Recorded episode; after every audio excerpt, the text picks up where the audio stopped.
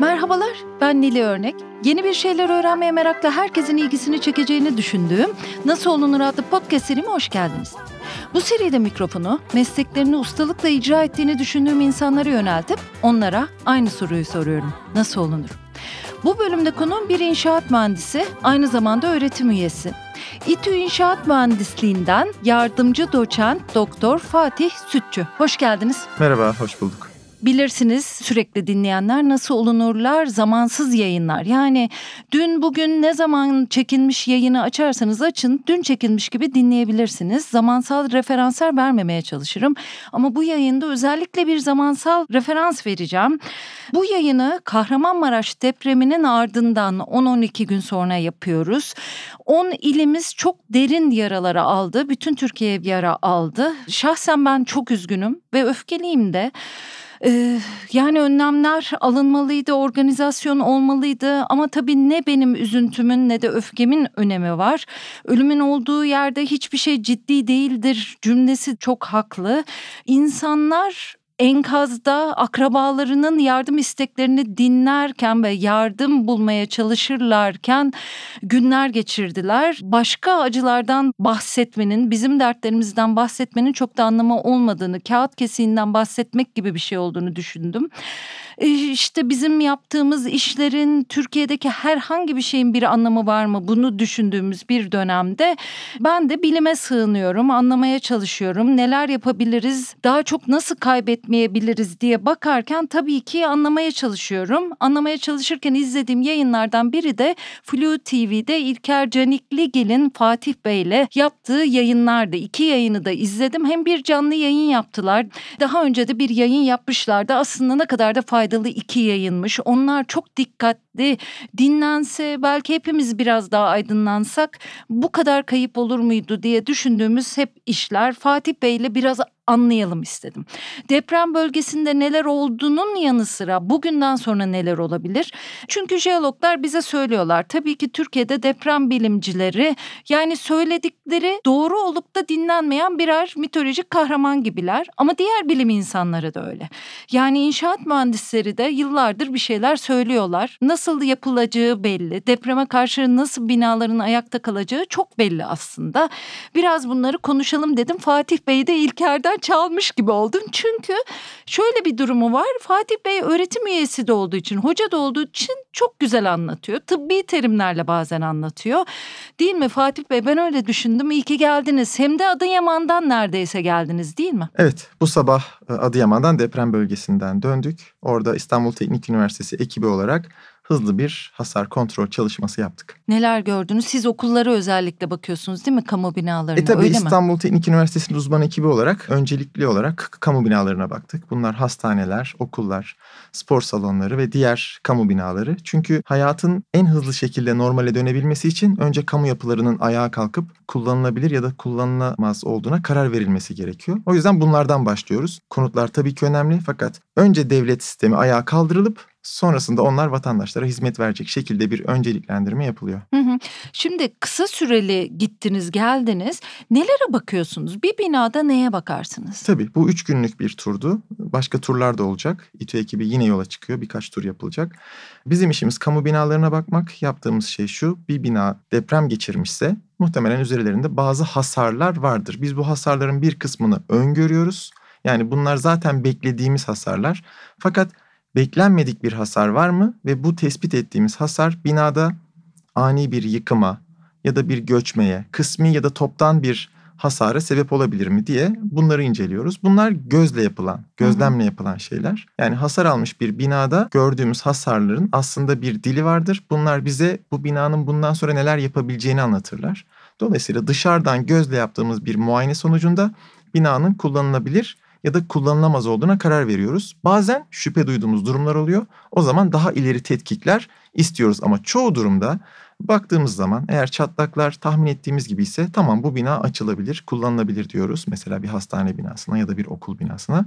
Bazen de o kadar belli hasarları görüyoruz ki yani her an bir göçmeye götürebilecek ya da her an çok daha büyük bir zarara sebep olabilecek hasarlar kendilerini çok belli ediyorlar. O zaman bu binalara girmeyin, etrafını çevirin, tedbir alın. Gerekli onarımları yaptıktan sonra bu binayı kullanın diye rapor ediyoruz. Kamu binaları bu şekilde hangi binaları kullanacağını, hangilerini kullanmayacaklarına karar verip organizasyonlarını yapıyorlar. Diğer soruları geçmeden önce biraz sizden bahsedelim istiyorum. Çünkü siz Japonya'da da eğitim aldınız. Buradaki eğitiminizin yanı sıra. Çocukluktan beri mühendis olmak mı isterdiniz? Sonradan gelişen bir şey mi? Nerelisiniz? Nasıl bu işlere girdiniz? Biraz anlatsanıza ve Japonya'yı da anlatın istiyorum. Tabii ki tabii ki. Konyalıyım. Hı hı. Konya'da büyüdüm. Konya Anadolu Lisesi'nde okudum. Japonya'yı küçükten beri çok seviyordum. Anadolu Lisesi eskiden şöyleydi. İlkokul biter, Anadolu Lisesi sınavına girilir. Kazanırsanız bir hazırlık sınıfı okunur. Ondan sonra ortaokul, lise bütün 6 sene içerisinde derslerinizde İngilizce görürdünüz. 10 yaşında Anadolu Lisesi'ne girdim ve bir sene hazırlık okuduktan sonra biraz İngilizce öğrenmiştim. Ailem de İngilizce, Fransızca bilen kişiler.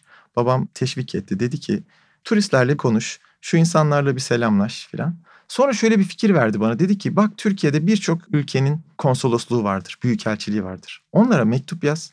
Sana ülkeleri hakkında bilgi göndersinler. Hem de İngilizcen gelişmiş olur dedi. Babamın dükkanında oturdum bir gün. 20-30 tane mektup yazdım. Finlandiya Büyükelçiliğine. Benim adım Fatih. Şurada öğrenciyim. İngilizce öğrendim. Bunları İngilizce yazıyorum tabii ki. Lütfen bana ülkeniz hakkında bilgi gönderir misiniz? Teşekkürler. Babamın dükkanının adresini yazdım, kapattım. Hiçbirinin adresini bilmiyorum. Almanya Büyükelçiliği Ankara. İngiltere Büyükelçiliği Ankara. Japonya Büyükelçiliği Ankara diye yazdım gönderdim. Birkaç ay ses çıkmadı. Sonra zarf geldi Hollanda Büyükelçiliğinden. Açtım içinde ülkelerini tanıtan bazı broşürler göndermişler. Efendim Hollanda'daki ineklerin süt verimliliği, işte lale tarlalarının yıllık üretim hacmi gibi sağ olsunlar bir çocuğun ihtiyacı olan şeyler değil ama takdir edersiniz ki 89 senesinde kuşa kağıda basılmış renkli fotoğraflar olan bir tomar dergi eline geçince çocuk seviniyor tabii ki. Derken İtalya'dan geldi, Macaristan'dan geldi, Japonya'dan kutu geldi, bir koli geldi. İçinde Japonya ile ilgili broşürler vardı ama çocuk boyama kitapları çıkmıştı. Birkaç tane de oyuncak ve çıkartmalar çıkmıştı. Çıkartma çok kıymetliydi o zaman. Aa dedim böyle bir ülke varmış. Gelen bilgilerden ben Japonya'nın çok renkli, çok görsel bir yer olduğunu biraz anlamıştım ve çok ciddi ilgi duymaya başladım. Karateyi öğrenmek istiyorum. Hep ansiklopedilerden sağdan soldan Japonya ile ilgili bir şey gördüğümde ilgi duyuyordum. Bir de bizim orada bir fotoğrafçı vardı. Önünde fotobloktan kesilmiş kırmızı kimonolu bir Japon kızı. Elinde Fuji film yazıyor. Geliş geçiş ben onu çok beğeniyordum. Dedim bunu bana verir misin Remzi amca? Yani benim olabilir mi bu? Dedi ki bunu toptancı yılda bir kere getiriyor. Ben bunu sana vereyim yenisi gelince. Bir gün geçerken baktım o fotoblok değişmiş. Girdim hazırlamış bana. Eve götürdüm. Annem sonunda eve Japon gelin getirdin demişti yani. Anne babanız ne iş yapardı? Babam Hacettepe Sanat Tarihi mezunu. Ama dükkanımız vardı. Manifaturacıydı yani kumaş satardı. Ben, ben dükkanda büyüdüm. Yazlarımı dükkanda geçirdim. Annem de aslında öğretmen ama mesleğini yapmamış. Bize hep eğitim okuma konusunda çok desteklediler. Kardeşimi de beni de. Hı hı. Siz üniversite sınavlarına giriyorsunuz, mühendislik kazanıyorsunuz, evet. İTÜ'ye geliyorsunuz, evet. okuyorsunuz. Özellikle depreme konsantre olmanızın nedeni Japonya mı? O tabii sonradan çıktı ortaya. Yani inşaat mühendisliğini okuduktan sonra master'ı da yine inşaat mühendisliği ve yapı mühendisliği alanında yaptıktan sonra hani doktora konusunda depreme yönelmeye karar verdim ve Doktorayı o sırada asistandım yani İstanbul Teknik Üniversitesi'nde araştırma görevlisiydim. Hem Amerika'daki bazı üniversitelere hem de Japonya'daki bazı üniversitelere aynı anda başvurdum. Amerika'dan iki yerden kabul aldım. Japonya'dan da Tohoku Üniversitesi'nden kabul alınca Japonya'yı hemen tercih ettim. Orada yani bir 4-5 sene geçirdim. Sonrasında ziyaretçi profesör olarak Tokyo Institute of Technology yani Tokyo Teknik Üniversitesi diyebileceğimiz İTÜ benzeri bir üniversitede 2-2,5 yıl kadar yardım doçent olarak çalıştım. Ziyaretçi hoca olarak. Depremden önce gittiniz yani 2011'deki depremden önce 2011'deki depremden önce de oradaydım. Büyük tsunami ve deprem evet. felaketinden önce de oradaydım. Aralarda da araştırma projelerimiz devam ettiği için aşağı yukarı 2-3 ayda bir hep gittim yani aralarda ben hep Japonya'daydım. Japonca konuşuyor musunuz? Tabii ben doktorayı Japonca yaptım. Tezimi İngilizce yazdım fakat Japonca'da önemli bir miktarda yayınım var diyebilirim. Spesifik ne konusunda uzmansınızdır? Etrafımızdaki betonarme binalar bu işin temeli. Fakat benim spesifik olarak doktorada ve sonrasındaki araştırmalarımda çalıştığım konu binaları yenilikçi yöntemlerle nasıl depreme dayanıklı hale getirebiliriz? Bunun da iki tane benim esas çalıştığım ana başlığı var. Bir tanesi sismik izolasyon dediğimiz binanın altına binayı depremden yalıtan bazı mesnetler yerleştirerek deprem dalgasının binaya girişini tamamen engellemek üzerine çalışan bir sistem, sismik izolasyon. Bir diğeri de enerji sönümleyiciler. Bunlar da böyle pistonlara benziyor ya da bizim araçlarımızdaki enerji yutan şok emicilere benziyorlar. Yani amortisörlere benziyorlar. Binalara buna benzer amortisörler takıldıktan sonra bunlar depremin enerjisini yutuyorlar enerjiyi kendi üstlerine çekiyorlar. Böylelikle depremin oluşturacağı hasarın binaya geçmesine engel oluyorlar diyebiliriz en basit manada. Ben bu iki konuda esas olarak e, araştırma yapıyorum. Bu iki uygulamada bina yapılırken mi yapılmalı? İkisi de daha sonradan yapılabilecek işlemler mi? Hı, süper soru. Hem binalar yeni yapılırken izolatörlü veya sönümleyicili yapılabilir. İkisi ha, ve, veya hedefi farklıdır. Tamam. İkisi birlikte yapılmıyor aslında. İkisi birlikte de yapılabilir ihtiyaca evet. göre. Hı hı. İkisi birden de kullanılabilir. Hı hı. Hem izolatörlü hem sönümleyicili yapılar vardır. Ee, ya da mevcut bir bina deprem performansının yetersiz olduğu tespit edilmesi halinde sonradan izolatörlü hale getirebilir ya da sonradan sönümleyiciler eklenerek ona gelecek olan deprem enerjilerinin yutulması sağlanabilir. Yani önce de yapılabilir, sonrasında da yapılabilir. Türkiye'de öyle binalarda varmış bayağı değil mi? Yani yapılırken değil, sonradan eklenen binalar İkisi var. de var ama en çok yeni izolatörlü binamız evet. var. 2013 senesinde Sağlık Bakanlığı'nın yayınladığı bir genelgeyle riskli deprem bölgelerindeki 100 yatak ve üzerindeki bütün devlet hastanelerinin sismik izolatörlü yapılmasıyla alakalı bir genelge çıktı ve o tarihten bugüne yaklaşık 40-50 tane çok büyük hep bizim şehir hastanesi dediğimiz hastaneler izolatörlü olarak yapıldılar. Ve bunlar depremde hiç sallanmazlar. Dolayısıyla binada hiç hasar oluşmaz eğer iyi uygulanırlarsa. Nitekim bunu yakın geçmişte yaşadığımız depremde de gördük. Hmm, neresi? Ben Adıyaman'a gittiğim için Adıyaman'dakini gördüm. Diğer ekiplerimizdeki arkadaşlar Malatya'daki ve bazı diğer şehirlerdeki sismik izolasyonlu hastaneleri gördüler. Özetlemek gerekirse sıfır hasar. Hı hı. Türkiye'de bütün hastaneler, şehir hastaneleri sismik izolatörlü olarak yapılmaya başlandı. Şu anda 50-60 tane olabilir. İstanbul'da mesela 4 tane çok büyük şehir hastanesi var. Hepsi sismik izolasyonlu. Ve bunların hepsi depremden sonra inşallah hiç hasarsız bir şekilde atlatıp ihtiyaç duyanlara hizmet verecekler. Nereleri onlar biliyor musunuz? Bir Başakşehir Çam Sakura Hastanesi. İsminde Sakura lafı geçiyor çünkü Japon finansıyla yapıldı. İki Ok Meydanı SSK diyorduk eskiden. Ok Meydanı Eğitim Araştırma. Üç Göztepe Eğitim Araştırma. Kartal Eğitim Araştırma. Hmm, Cerrahpaşa'da yenileniyor aslında. Cerrahpaşa yenilenirken sismik izolasyonlu yapılacak. Siyah Mersek yenilenecek, sismik izolasyonlu yapılabilir. Hmm. Haydarpaşa Devlet Hastanesi yenilenecek sismik izolasyonlu yapılması kuvvetle muhtemel. Taksim İlk Yardım yenilendi. Taksim İlk Yardım ve Şişli Etfal yetişemediler bu teknolojiye. Onlar sabit temelli yapıldı ama onlar da sağlam hastaneler. Ama İstanbul'daki bu izolasyonlu hastane sayısı 10'a 15'e çıkacak yakın dönemde. Hı hı. Instagram hesabı var Fatih Bey'in. İnşaat ve Deprem isminde hesabınıza deprem bölgesinden yüzlerce fotoğraf geldi. Pek çok insan binalarının kritik bölgelerinden size fotoğraflar gönderdiler. Sizin hayatta buraya bir daha girmeyin dediğiniz binalardan çöken bile oldu değil mi artçı sarsıntılarda? Şöyle anlatayım. Evet bir bina hasar görürse sonrasında işte üzerinde oluşan hasarlara ve çatlaklara bağlı olarak risk durumu tespit edilebilir. Uzmanlar bunu tespit edebilirler. Tabii ki de bunların yerinde yapılması lazım. Evet. Fakat depremin ilk birkaç günü e, gidemiyorum. İnsanlar orada zor durumdalar, binalarına giremiyorlar. Hava soğuk biliyorsunuz ya da olmasa bile dışarıda hayat zor. Evlerine dönmek isteyen insanlar var. Bazen binalarda öyle görüntüler oluyor ki karar vermesi kolay oluyor. Yani fotoğrafla bile karar verilebilir. Bu tabii ki de bilgi amaçlı. Yani bu yaptığım şeyin doğru olmadığını düşünenler olabilir tabii ki de. Normalde yerinde gidip, yerinde görüp uzman ekiple ve resmi belgelerle bu kararları vermek lazım. Evet, Fakat evet. bazen bina o kadar kendini belli ediyor ki üzerinde bizim kesme çatlağı dediğimiz çok ağır hasarlar oluyor. Vatandaş bunu anlamayabilir. Eşyasını almak için kimseye çaktırmadan içeri girip çıkmaya çalışabilir. Bu binalara kesinlikle girilmemesi lazım. Bunu söyleyebilirim diye düşünüyorum. Hı hı. Dolayısıyla o günlerde hala da geliyor. Yani birçok mesaj geldi. Yani hepsine cevap vermeye çalışıyorum. Yetersiz fotoğraf olursa, eksik görüntü olursa, karar veremeyeceğim bir şey olursa özür dileyerek cevap vermiyorum. Ama çok belli, çok bariz, net bir şekilde teşhis konulabilecek bir çatlak görürsem lütfen binanıza girmeyin. Çok tehlikeli, acil bir şey olsa bile sakın girmeyin dediğim binalarda oldu. O kişiler bile sağ olsunlar binanıza girmeyin dememe rağmen teşekkür ettiler. Çünkü afetin hemen sonrasında doğru bilgiye ulaşmak ya da gerçek bilgiye ulaşmak zor olabiliyor biliyorsunuz. O binaların arasından iki tanesinin kısmen çöktüğü haberini yine aynı kişiler bana haber verdiler. Bu bir acil dönem ihtiyacı. Normalde yapmayacağınız bir iş. Zaten hasarlılar ve hasarlı binanın fotoğrafı üzerinden bir şey söylüyorsunuz. Tabii. Yani ben kendi evimin fotoğrafını göndersem ona bir şey söyleyemezsiniz. Yok tabii ki mevcut yerinde duran üzerinde Hı hı. çatlak hasar olmayan binaya bakarak karar verilmez. Hı hı. Ama çok net görüyorsak binanın üzerinde özellikle alt kat kolonlarında deprem geçirmiş ve hasar almış bir binayı görüyorsak hasarın şekline göre çatlakların yerlerine, miktarlarına, kalınlığına, işte uzunluklarına bağlı olarak onun tehlikeli bir hasar mı yoksa o kadar tehlikeli olmayan bir hasar olduğuna karar verebiliriz. Şüpheli ise bir şey demiyoruz. Ama çok belli ise ki bunlar belirli gerçekten de bunlar ölçülebilir. Hı hı. Pek de öyle tartışılacak şeyler değil yani ölçülebilir şeyler. O tür hasarlara ya sakın binanıza girmeyin çok tehlikelidir diyebilirim. Benden sonra oraya giden Çevre Şehircilik Bakanlığı yetkilileri de eminim aynı binalara aynı raporları vermişlerdir. Ben sadece önden söylemiş oldum. Binalarına girmediler.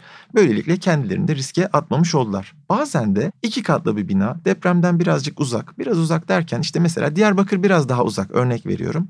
Oradan bir bina resmi geliyor. Sadece mesela pencerenin kenarında küçük bir çatlak var. Ama insanlar tedirgin oluyorlar. Çok haklılar. Hani onlara da binanızın başka yerinde bir çatlak yoksa merak etmeyin bunlar çok önemli çatlaklar değiller. Hani binanızı girip kullanabilirsiniz. Gene de Çevre Şehircilik Bakanlığı yetkililerine ulaşırsanız ilgili resmi raporu aldıktan sonra son kararınızı veriniz diye gerektiği kadar tedbirli bir mesaj vermeye çalışıyorum. Size göre tehlikeli çatlak hangisi? Kolon kiriş? Yani böyle sesli anlatmak zor ama elimden geldiği kadar anlatayım. Binayı ayakta tutan elemanlar, taşıyıcı elemanlar kolonlardır. Yani dik duran çubuklardır. Evet. Dolayısıyla bu dik duran çubuklardaki çatlaklar önemli hasarlardır. Daha riskli hasarlardır. Kirişlerdeki çatlaklar ikincil risk taşıyan çatlaklardır değil mi? Binanın ayakta durması esastır. Hı hı. Dolayısıyla özellikle binalardaki dik duran kolonlarda ya da sütun gibi düşünebilirsiniz.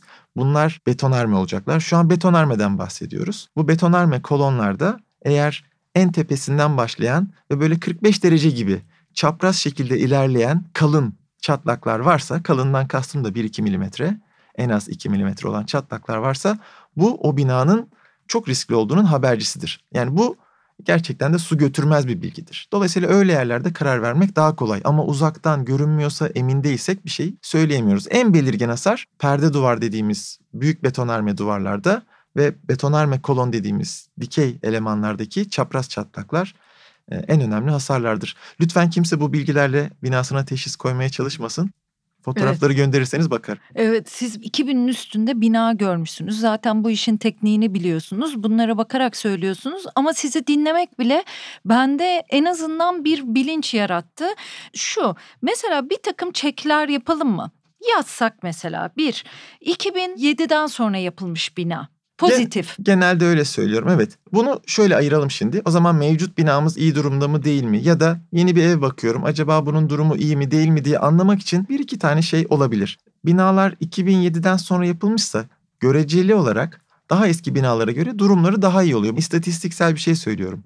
Biliyorum 2018 yapımı binaların hasar gördüğünü ya da 2020 yapımı bazı binaların çok büyük yıkıntıya uğradığını biliyorum ama onların inşaatı kötü yapılmıştır diye düşünüyorum. Hı hı. Hesaplarından ziyade inşaat uygulamasında Peki problem biz bunu olmuştur diye vatandaş düşünüyorum. olarak nasıl bilebilirdik? Bilebilir miydik? Bilemezdiniz. Bilemezdiniz. Bu Yani korkunç zaten. Evet, Evet. yani hileyi iyi yaparsanız kimse yakalayamaz değil mi yani? O yüzden bunu teşhis etmek zor. Hı. Biz düzgün yapılmış binalarda bir risk olup olmadığını anlayabiliriz. Anlayamadığımız yerde karotla vesaireyle bazı şeyleri daha iyi anlayabiliriz. Hı. Ama tabii ki insan ilk başta 2020 yapımı bir binadan da şüphelenmiyor.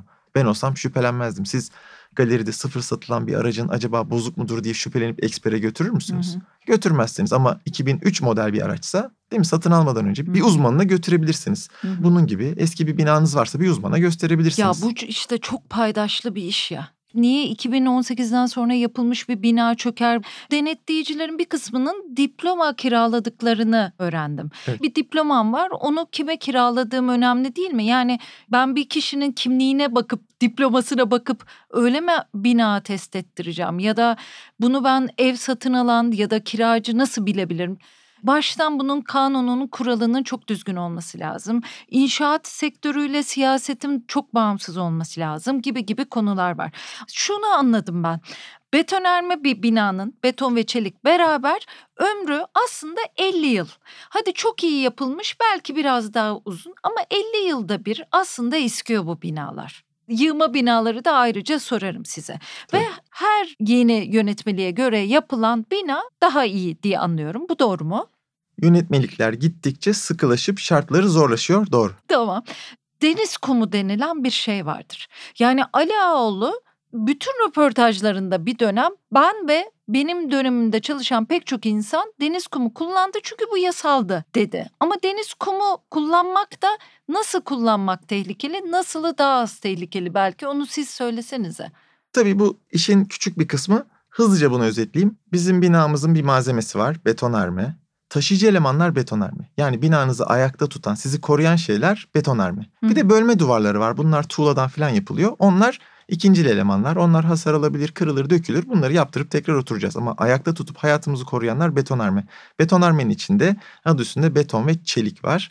Şimdi geldik betona ayırdık bu ikisini birbirinden. Hı hı. Kolon ve kirişler betonerme. Kolon ve kirişler betonarme. Üzerine bastığımız döşemeler betonarme. Binanın yüklerini zemine aktaran temel betonarme. Beton. Yani binanın hı iskeleti hı hı. ve üzerine bastığımız şeyler betonarme.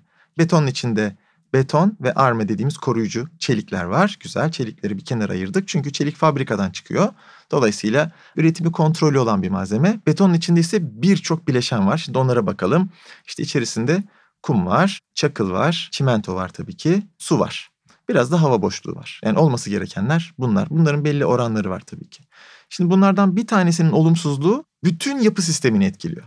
En olumsuz unsurlardan bir tanesi tuz ya da klor işte. Betonun içine tuzun bir şekilde nüfuz etmesi nereden gelirse. Denizden gelebilir, denizin kenarındaki binalardan denizden gelebilir. Hmm. Bir fabrika ise içeride tuz olabilir, klor olabilir. Öyle bir şey olabilir mesela. Ya da biz bizzat kendimiz betonun içine tuzu bir yerden karıştırırsak. Nereden gelebilir? Deniz kumundan gelebilir mesela. İstanbul'un yakınında kum ocağı olmadığı için belki bir dönemler deniz kumunu kullanmış olabilirler. Yani o zamanlar yönetmelikler buna izin veriyormuş. Tabii ki de alıp denizden çektiğiniz gibi koyun demiyordur. Muhtemelen bunun yıkanması lazımdır. Birçok şeyi biz alıp yıkayıp ondan sonra kullanıyoruz. İşte arındırmak için kirlerden, tuzdan vesaire o kumun da yıkanması lazım. Yeterince yıkandıktan sonra klorundan ayıklanmış ya da klorundan temizlenmiş olabilirdi bu kumlar. Ama zannediyorum bunlar yeterince yıkanmadığı için içindeki tuzuyla beraber betona karışmıştır. Bu tuz bir betonu hızlı çürütür. Yani beton normalde de kondisyonunu kaybedecekti. Evet. Ama içeride tuz olunca bu biraz hızlanmış oldu. Yaşlanması evet. hızlanmış oldu. E, bunun içerisindeki demire de olumsuz etkisi var. Yani ben şantiye ağzıyla demir diyorum. Aslında bunlar çelik donatılar. Herkes anlasın diye böyle söylüyorum. Dolayısıyla demir paslanır. Paslanın da dışı kabuklanır. Kabuklanınca genişler dışındaki beton tabakayı atar. O birlikte çalışan mekanizma artık yavaş yavaş birbirinden ayrılmaya başlar. Beton yavaş yavaş çürür. İlk başta yapıldığında örnek veriyorum C16 olsun, C20 olsun. Bunlar eski beton sınıfları olması gereken C25 oradan nispetle düşünebilirsiniz. Dolayısıyla bu 16 yavaş yavaş 15, 13, 12, 10 gibi yavaş yavaş zayıflar. O nesini anlatıyor? Beton ve çelik üzerlerine gelen yükleri paylaşıyorlar. Bastırma kuvveti olan basıncı beton karşılıyor. Çekme kuvveti olan uzamayı da çelik karşılıyor. Hmm. Aralarında görev paylaşıyorlar. Betonun C15, 20, 30 dediğimiz şeyler betonun basınç dayanımı. Şöyle küp şeker kadar beton düşünün. Bunun üzerine bastırdığınız zaman eğer 300 kilo kuvvette bu eziliyorsa hani küp şekerin toz şeker haline gelmesi gibi eğer 300 kilogram kuvvette eziliyorsa C30. 200 kilo kuvvette eziliyorsa C20. Çok Öyle düşünebilirsiniz. Evet. Yani bu ne kadar kuvvetli değil mi? Çünkü ben küp şekeri bir masanın üzerine koysam, üzerine 15 kilo yük koysam ezilir, un ufak olur. Hı hı. Şimdi 15 kiloyu düşünün, bir de 300 kilo düşünün. Yani beton çok sağlam bir şey aslında. Basınç dayanımı C30 olarak yaptık, döktük. Fakat beton zamanla kondisyon kaybeder. Bu kaçınılmaz bir şeydir. O yüzden biz binanın ekonomik ömrü vurgulayarak söylüyorum 50 yıldır diyoruz. Binanın ömrü 50 yıldır demiyorum. Ekonomik ömrü şu demek. İçinde oturanı ya da sahibini üzmeden, fazla tamirat, onarım gerektirmeden kullanabileceğiniz süre 50 senedir. Sonrasında gerekli bakım onarımları yıllar içerisinde yaptırarak ömrünü uzatmanız mümkün olur. Ama ekonomik olmaz artık astarı yüzünü biraz geçebilir o tamiratlar. Evet. Güvende olduğumuzu hissetmek istiyoruz ama değiliz.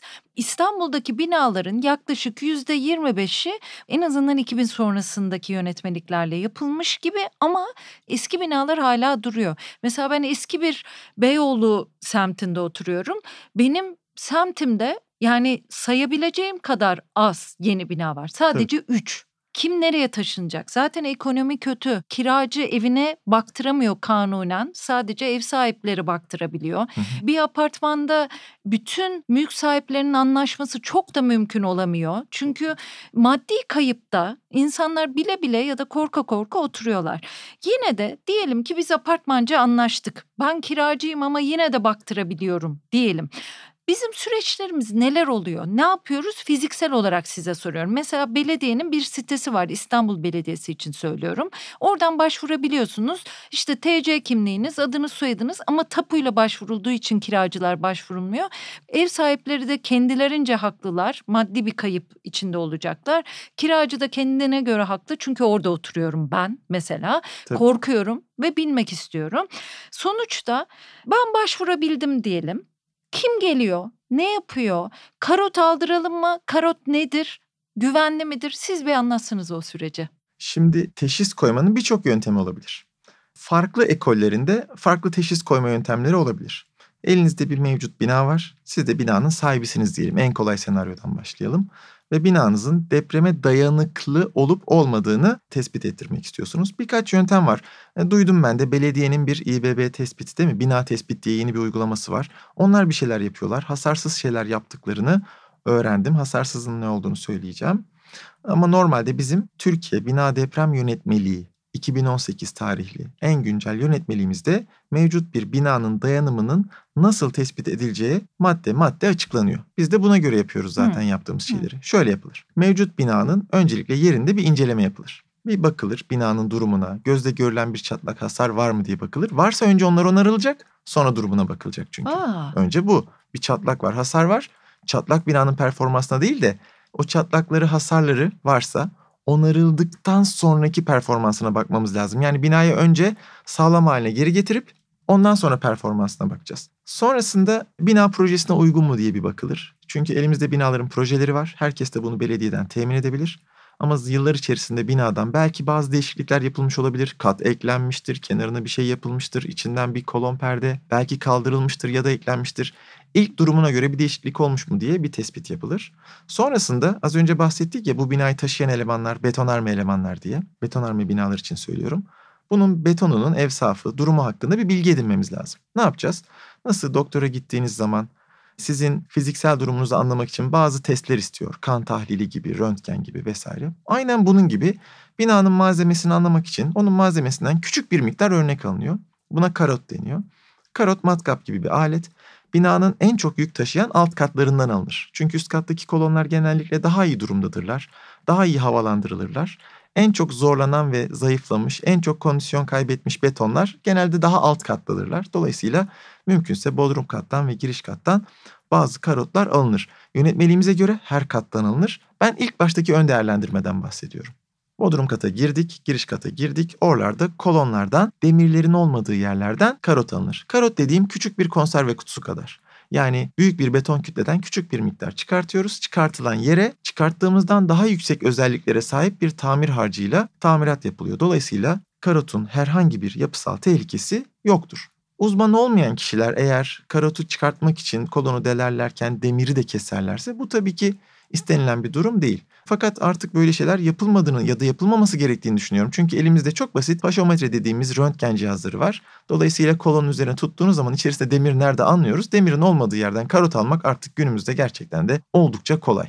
Oradan karot alınıyor birkaç tane ve basınç deneyine gönderiliyor. Az önce bahsettiğim acaba C20 mi C16 mı gibi onun dayanımını bir elde ediyoruz. Birkaç yerden de sıyırma yapılıyor. Yani kolonların köşelerinden sıyırıp acaba içinde demirlerin aralıkları ne kadar? Hmm. İşte efendim onları bilezik gibi saran etriye dediğimiz çubuklardan ya da etriye dediğimiz o demirlerden hangi aralıkla yerleştirilmiş? Bu demirlerin üzerinde nervür dediğimiz şu tırtıklardan var mı? O tırtıklar betonla çeliğin birlikte iyi çalışmasını sağlıyor. Birbirinden ayrılmasını zorlaştırıyor. Bu tip tespitleri bizzat gözle yapıyoruz. Birkaç yerden yeterince gözle veri topladıktan sonra bütün bina röntgenle taranarak her yerinde ne demir var tespit ediliyor. Şimdi elimizde malzeme var. Kolonların, kirişlerin boyutları var. Demirlerin aralıkları, çapları var. Elimizdeki tüm bu bilgilerle Paslanmaya da bakıyorsunuz dolayısıyla. Doğru. Açtığımız zaman çok doğru. Mesela açtık pas var, korozyon diyoruz. Eğer korozyondan dolayı bir demirin çapı dışından bir kısmı pastan dolayı gittiyse ve küçüldüyse Onu da yansıtıyoruz modelleme. Yani diyoruz ki burada normalde 2 santim çapında bir çelik çubuk vardı ama dışından birazı gitmiş. Artık 1 santim olarak ben onu hesaba katacağım diye gayet güvenli bir analiz yapılması lazım. Bunları yapısal analiz yapabilen bir yazılıma giriyoruz. Yani onu modelliyoruz. Ve bu model üzerinde yönetmeliğin bize tarif ettiği deprem şiddeti seviyesinde simülasyon yapıyoruz. Yani biz belirlemiyoruz deprem şiddetini. AFAD'ın deprem haritası var. Örnek veriyorum benim evim Sarıyer'de ise Sarıyer'de tam olarak benim evimin bulunduğu noktada AFAD tarafından belirlenmiş beklenen deprem şiddeti seviyesinde simülasyon yapılıyor. Bunun sonucunda şunları görüyoruz. Acaba benim binamdaki kolonlardan ne kadarında nasıl hasarlar oluşacak? Simülasyon bunu bize söylüyor. Kirişlerde neler olacak? Binada katlar arası ne kadar deformasyon olacak? Kaymalar, çarpılmalar olacak? Bunların hepsini görebiliyoruz.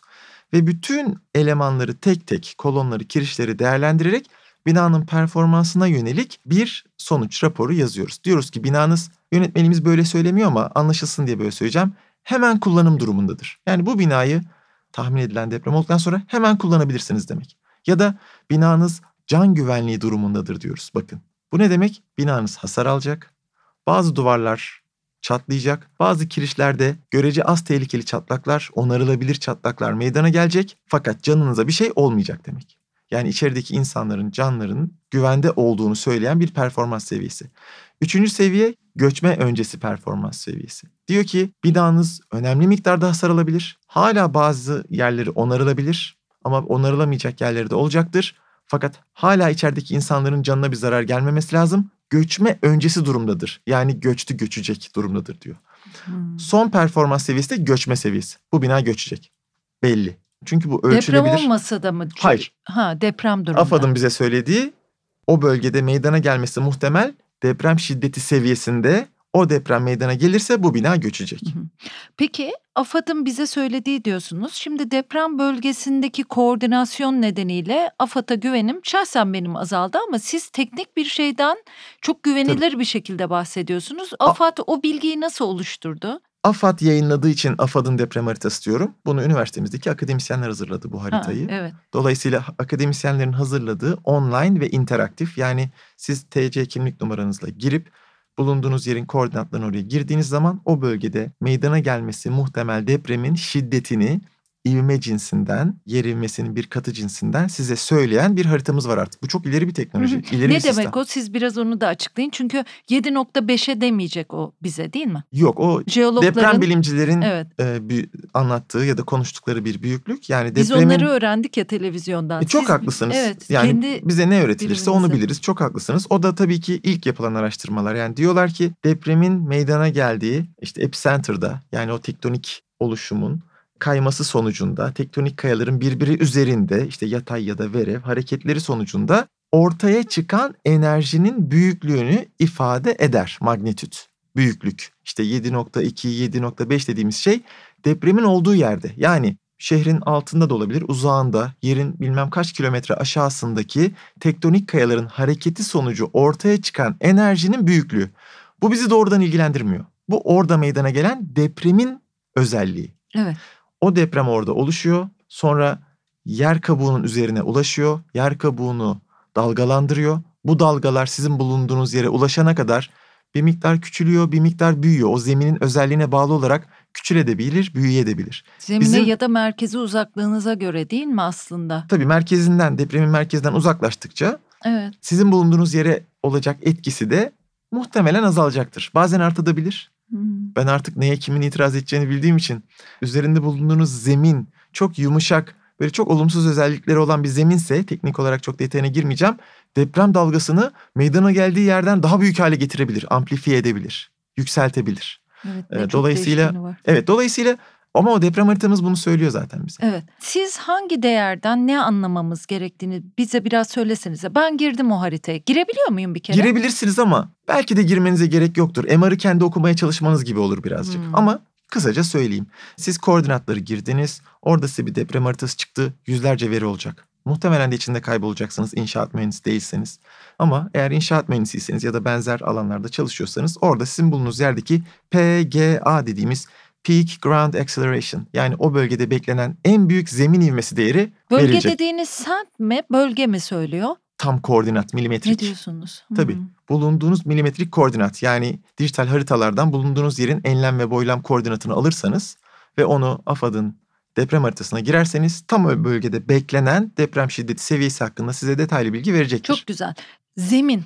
Ben sizden öğrendim. Hep mesela benim oturduğum yerde genellikle kayalık zemin oralar denir. Ama zemin her 20 metrede bir meğer değişiyormuş değil mi? Hatta salonumla belki yatak odam Tabii. arasındaki zemin bile değişiyor.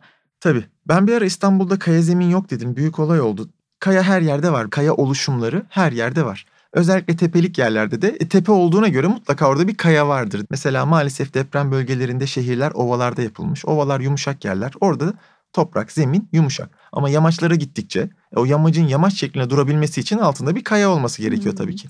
İstanbul'un da yüksek yerlerinde mesela Taksim, mesela Maslak e, görünüyor yüksek olduğu. Nereye gitseniz aşağı iniyorsunuz. Dolayısıyla Maslak yüksek bir yer. Yani burasının kayalık bir yer olması lazım ama kaya var kaya var değil mi? Yani Hmm. çeşitli kayalar var. Mesela Hmm. İstanbul'da Grovak oluşumu dediğimiz bir kaya var. Kaya gibi görünüyor ama aslında kolayca da ufalanabiliyor. Dolayısıyla böyle 20-30 metre içerisinde zeminin durumu değişebilir. Bu neye sebep olur? E şimdi biz binamızı büyük kocaman bir bina olarak yapıp daha önce üzerinde hiç ağırlığı olmayan, hiçbir ağırlık konmamış bir zeminin üzerine koyuyoruz. Ama bu bina çok ağır. Yüzlerce ton ağırlığında, binlerce ton ağırlığında. Dolayısıyla bu bina o koyduğumuz yerde altında bulunan zeminin yumuşaklığına bağlı olarak bazı yerleri çok çökecek, bazı yerleri az çökecek. Daha deprem olmadı. Bazı yerleri çok çöktü, bazı yerleri az çöktü. Bunlar 1-2 milim, 3 milim, 5 milim farklar olabilir belki. Yerine Biz göre söylüyorum. anlamayız bile belki. Belki normal insan fark etmez ama biz bunu binayı inşa etmeden önce biliyoruz. Zemin sondajı ya da zemin etüdü dediğimiz çalışmalarda Hmm.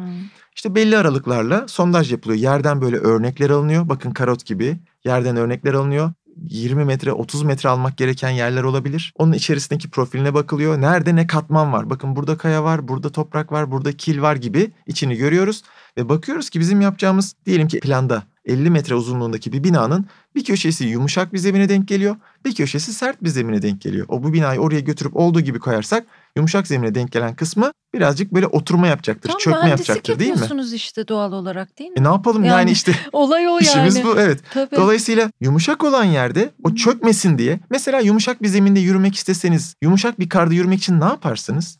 Ayağınıza geniş bir Daha bot geniş giyersiniz değil mi? Ya da hedik takarsınız Evet. batmasın diye. Ama sert bir zeminde yürürken incecik bir topuklu ayakkabının üzerinde bile yürüyebilirsiniz değil mi? Dolayısıyla zeminin koşuluna göre altına temel yapılır. Zeminin sert olduğu, sağlam olduğu yerlerde temeller küçülür. Zeminin yumuşak olduğu, çökmeye müsait olduğu yerlerde temeller büyür. Zemin çok çok yumuşaksa, sınıfları var zeminin. O zaman onun üzerine inşaat yapılmaz. Önce kazık çakılır.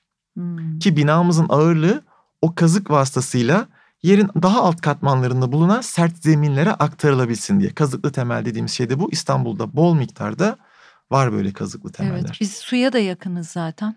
E suya da yakınız ama işte malumunuz insanoğlu suyun üzerine bile neredeyse artık yapılar yapabiliyor değil mi? Petrol platformları suyun üzerinde ayakta duruyor. Yani bırakın yumuşak zemini tabii çeşitli önlemlerle, çeşitli bağlantı ve kısıtlayıcılarla suyun üzerine bile inşaat yapabiliyoruz. Yani her zemine güvenli inşaat yapılabilir aslında ama göz göre göre de çok yumuşak, alüvyon, altında yeraltı suyu olan, dere yatağı olan yerlere de yerleşim yapmak şehircilik açısından aykırı. Bakın hep biz bina bina konuşuyoruz şu anda.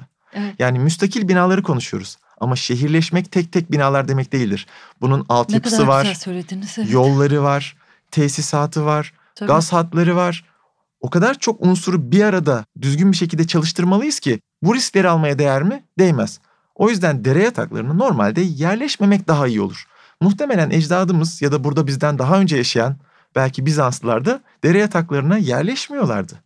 Ama şimdi İstanbul'a baktığımız zaman cadde isimlerini bir düşünün İstanbul'da. Mesela hemen önümüzdeki cadde Büyükdere Caddesi. Belli ki burası dereymiş. Biz de gelip buraya derenin kenarına yerleşmişiz. Derenin kenarında sorun yok. Herkes derenin, derenin kenarına yerleşmek ister. Ama sonra ortası boş kalmış. Derede zamanla kurumuş. Dereler kurusa bile yerin altından akmaya devam ederler. Dere yatağı o zaten. Alttan akmaya devam eden oluşuma biz dere yatağı diyoruz. Üstüne de bina yapılmış. Unutulmuş o zaman içerisinde. Kurumuş gitmiş. Ama aşağıdan akmaya devam ediyor. O hiç güvenilir bir toprak, hiç güvenilir bir zemin değil. Onu ne zaman anlayacağız? Deprem olduğu zaman anlayacağız onu. Ihlamur Dere, Dere Boyu Caddesi, Kurbağalı Dere, Kur korkutmayın. Sayayım mı yani? Hı hı. E çünkü İstanbul yedi tepeli şehir değil mi? Tabii tabii. İstanbul'da kimin nerede oturduğunun ve nerede yakalanacağını zaten önemi yok. İstanbul'un yani benim... birçok yerinde dere Evet. yatakları var. Hmm. Yani dolayısıyla hani yerleşim yapılırken normalde bu dere yataklarından birazcık uzak durmak lazım. Yani e, şu andaki deprem bölgesinde de görüyoruz. Ova, tarım arazisi, biraz daha düzlük ya da işte başka yerlerde alüvyon vesaire güven vermeyen, görece zayıf zeminler var. Mümkünse oralara yerleşmemek lazım. Yani bu bir şehircilik politikası olarak yapılmaması gereken bir şey. Tabii yeniden şehirlerin inşası plansız konuşuluyormuş gibi geliyor. Çok hızlı konuşuldu yani. Yapılması gerekenler var çünkü 10-12 milyon kişi bundan etkilendi. Dolayısıyla Ve bir geri şehrin dönecekler, yaşayacaklar yeniden tabii ki. kurulması lazım. Bir şehirde 3-5 bina yıkılırsa o binaları tekrar inşa edip hayatınıza devam edebilirsiniz. Bu yönetilebilir bir hasar ya da bir kayıptır. Fakat şehrin %40'ı yıkılırsa ya da şehrin %50'si yıkılırsa şöyle bir durum oluyor. Bu şehri tekrar inşa edelim. Şehri inşa edecek kişiler de afetzede olmuşlar. Hadi şuraya 20 blok bina yapalım. E yapamıyorsunuz. O kadar inşaat gücü yok. Çünkü yollar da tarumar olmuş. Getiremiyorsunuz malzemeyi. Hadi yolları yapalım. O yollara gelecek yollar da kapanmış. E hadi şuraya bir karar alıp yeni bir şey yapalım. Karar vericiler de afetzede olmuşlar. Şehri olduğu yere tekrar kuramıyorsunuz. Şehri taşıyorsunuz. Başka bir yere taşınıyor. Christchurch taşındı. Şehir olarak başka bir yere taşındı çünkü yıkıldığı yere yeniden yapılamıyor. Erzincan'ı bilirsiniz. Erzincan'a gidince eski Erzincan yeni Erzincan var. 39'da olan depremde Erzincan tamamen yıkılmış. Yeniden yerine kuramamışlar. Yanına yeni bir şehir kurmuşlar. Celal Abdi Güzel'le konuştum. Bir mimarlık eleştirmeni daha sonraki yayınlarda gelecek. Onlar da ODTÜ'de bir proje olarak yani okuldakilerle birlikte Elazığ depreminden sonra bir proje yapmışlar. Şehir nasıl yenilenir gibi. Belki bu deprem için de öyle bir şey yapılabilir. Bu arada dediğiniz şeyden şu soru da aklıma geldi. Diyarbakır Barosu'nda çalışan genç bir beyefendi altındaki alışveriş merkezine ya da market olabilir bir dava açmış. Davalıkken vefat etmiş. Kolonları kesti. Bizi tehlikeye atıyor diye. Yönetmelik der ki her kattan karot alınması gerekir diye. Şimdi insanlar kendi evlerinde çeşitli değişiklikler yapıyorlar. Bazılarını biz de bilemiyoruz. Yani bunu uzman birisi bakar burası kolon değil, taşıyıcı değil ona göre yapar. Ama bazen de bilemiyorsun kimin ne yaptığını. İşte Her daireye mi bakmak lazım? Şöyle bir şey de sormaya çalışıyorum. Tabii. Mesela altı katlı bir bina, üçüncü katında trajik bir değişiklik yapılmış. Genellikle alt katlarda yapılıyor ama. Evet yani dediğim gibi o yüzden bir binanın tespitinin yapılması için önce projesini elimize alıyoruz. Çünkü Hı hı. bu bina önce böyle yapılmıştı projesi elimizde. Sonra içeriye girip ideal şeyleri anlatıyorum. Detaylı bir şekilde gezilmesi lazım. Bakalım bu projesine göre şuralarda kolonlar var, buralarda perdeler var. Bakalım onlar yerinde mi diye tek tek her kat kontrol ediliyor. Evet. Bir yerde bir eksiklik varsa önce o eksiklik gideriliyor. Sonra performansına bakılıyor. Yani burada bir eksik taş varsa o taş yerine konuyor. Sonra performansına bakılıyor. O yüzden ön inceleme önemli. Bunlar özellikle ilk katlarda iş yeri gibi olan yerlerde, dükkan gibi olan yerlerde maalesef işte bazı duvarların kaldırılması, kesilmesi ya da tesisat geçirmek için perde, duvar ve kolonların kesilmesi, tesisat geçirmek için kirişlerin delinmesi şeklinde olabiliyor. Birçok binada gördüm, yakın zamanda da gördük. Bir binanın hem de önemli bir sağlık tesisinin özel tesis olduğunu söyleyeyim ki kamu binalarına olan güven azalmasın. Özel bir sağlık tesisinin Bodrum katında havalandırma ünitesi boru sistemleri bunlar kocaman böyle havalandırma dikdörtgen kesitli borular. Bir perde duvarı komple %50'sini keserek içinden geçirilmiş. Of. Evet ağır hasarlı bina şu anda. Olan olmuş yani. Hani tesisatı geçiren kişi önündeki elemanın ne olduğunu çok fazla bilmiyor. Buradan tesisat geçecek diyorlar. Alıyor matkabı giriyor. Kırıcıyı kesiyor orayı o tesisatı geçiriyor. Yine Instagram hesabınızda gördüm. Bir gider için bir boruyu oraya tutturmak için galiba kolondan çeliği çıkarmışlar. O çeliğe sarmışlar mesela. İşte bilinçsizlik özellikle İstanbul'da 70'lerde yapılan binalarda çok görüyorum 70'lerde 80'lerde. E mesela bir boru var bu boru esnemesin sarkmasın diye yukarı bir yere tutturmak lazım. Hı hı. Döşemeye bir delik aç oraya bir kanca tak boruyu da oraya as değil mi? Ne kadar kolay. Hayır ya uğraşarak kirişin betonunu kır içindeki demiri ortaya çıkar ve boruyu da oraya as Ha, gibi. bu da tekil bir örnek değil mi? Daha mı çok görüyorsunuz bunu? Çok acayip bir örnek çünkü. Her gün görüyorum. Ne diyorsunuz? Peki İstanbul Teknik Üniversitesi'siniz ya. Size nasıl başvuruyoruz? Ben belediyenin o başvuru sistemini anlamıştım ama size nasıl başvuracağımızı ya da kime başvuracağımı bilmiyorum. Mesela biz apartmanca karar verdik. Biz kime başvurmalıyız? Ya da ben özel tek başıma bütün apartmanın işte maliyetini karşılayacağım. Çok da zenginim. Kime başvuruyorum? Tabii konuşalım. Şöyle ben buradan kendime iş çıkartmayayım. Ben akademisyenim. Dolayısıyla ben devletin beni görevlendirdiği kamu kurumlarının, binalarının incelenmesi konusunda gerekli görevleri alıyorum zaten. Genellikle de öyle şeylerle ilgileniyorum. Çalışma alanım hep hastane ve okulların depreme hazırlıklı hale getirilmesi. Konutlara ben şahsen bakmıyorum ama bakan hocalarımız tabii ki de var. Hemen açıklayayım konuyu. Bir doktora gittiğiniz zaman ve o sizi muayene ettikten sonra bazen diyor ki şu görüntüleme merkezine gidip lütfen şu şu MR'ları çektirir misiniz diyor mesela.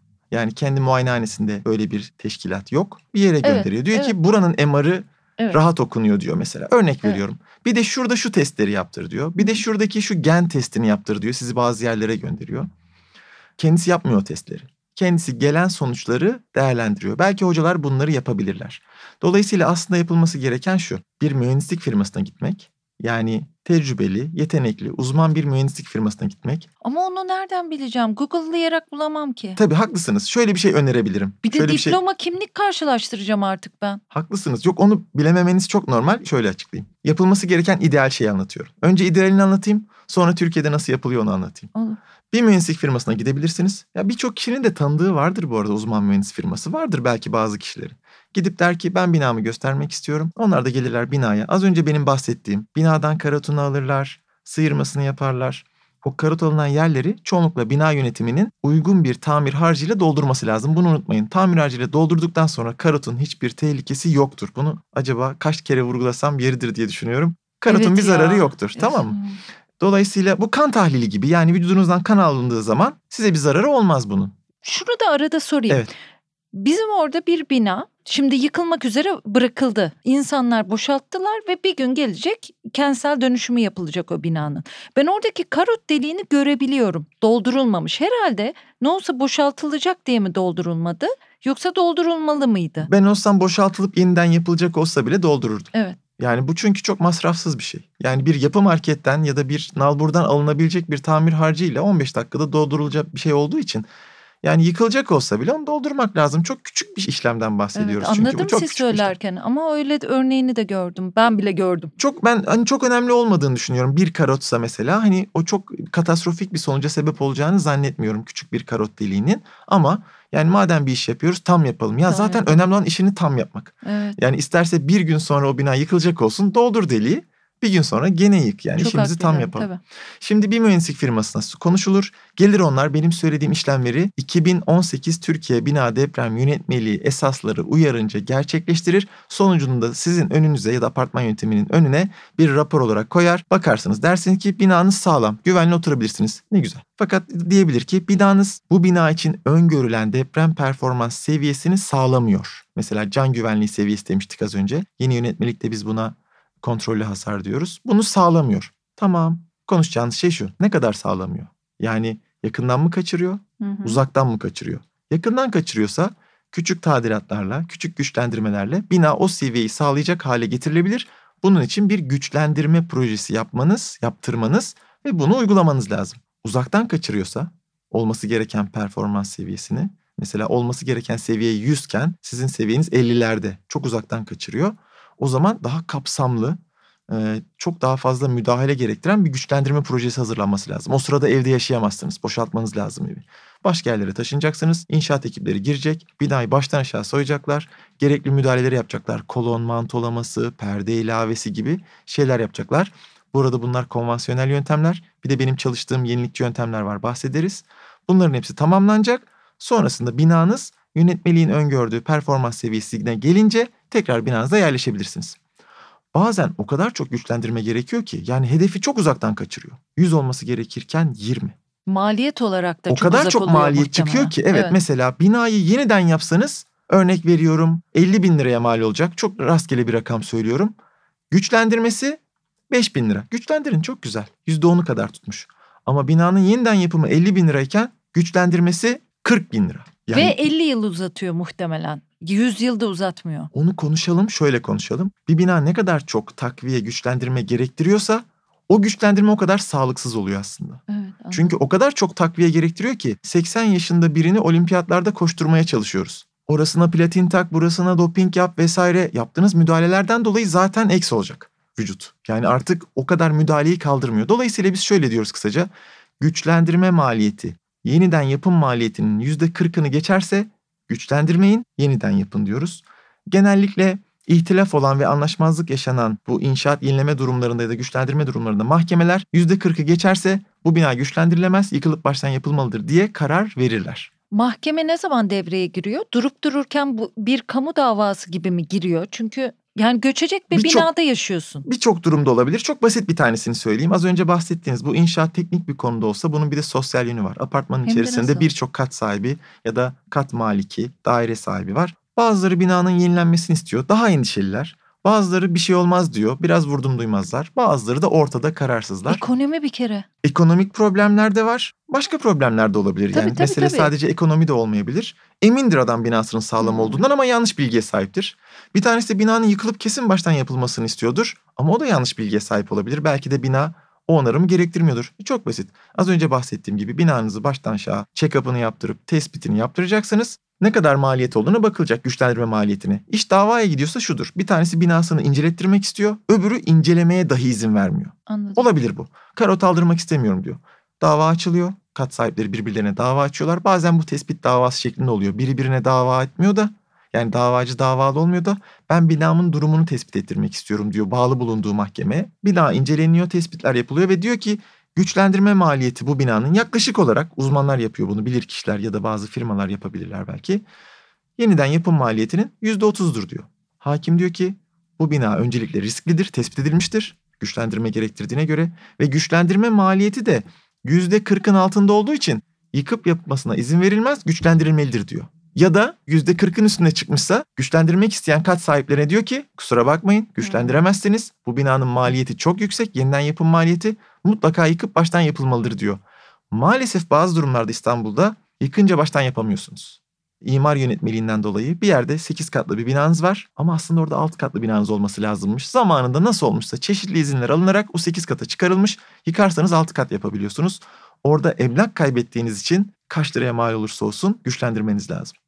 Orada oturmadığınız yılı kaybediyorsunuz. Kat kaybettiniz. Bir de o binanın kar etmesi için muhtemelen aslında kat yükseltmeniz lazım. Kentsel dönüşüm öyle bir şey. Ha. Hani bazı bölgelerde vatandaşlar kendi cebinden bunları yaptıramayacakları için hatta kat kaybettikleri için devlet bazı özel bölgelerde alanlarda buna çok yorum gelecek. İşte bazı özel dediğim alanlar nasıl alanlar bilmiyorum artık. Bu bölgede diyor ki yıkarsanız ben size iki katta ekstra vereceğim diyor. Teşvik ediyor müteahhiti. Müteahhit de geliyor diyor ki ben bu sizin binanızı alırım 8 katlı. Yeniden yerine 10 katlı yaparım. Son iki dairesi benim olur. Alttaki dairelerde siz eskisi gibi oturmaya devam edersiniz. O iki dairenin satış bedelinden de ben inşaat masraflarımı çıkartırım diyor. Kentsel dönüşüm böyle bir senaryo yani. Peki ben güvenilir kontrol edici nereden bulacağım? Oraya geri dönelim. Normalde her mühendislik firmasının bunu yapabilmesi lazım. Ama mühendislik hizmetlerinde de bunu iyi yapanlar var. Daha kötü yapanlar var. Çok kötü ya da maalesef çok kanunlara aykırı şekilde yapanlar da olabilir. Çevrenizde tanıdığınız varsa onlar bilirler. Mesela bir inşaatçı varsa şu adam iyi mimardır, bu kadın iyi mühendistir, işte şu ekip çok iyi bir ekiptir falan diye tavsiye Çok alabilirsiniz. ama delireceğim. Bilmiyorsanız, hiç tanımıyorsanız bana gelmeyin ama mesela İstanbul Teknik Üniversitesi'nde, Boğaziçi Üniversitesi'nde, Orta Doğu Teknik Üniversitesi'nde hemen bunlar aklıma geldiği için bunları söylüyorum.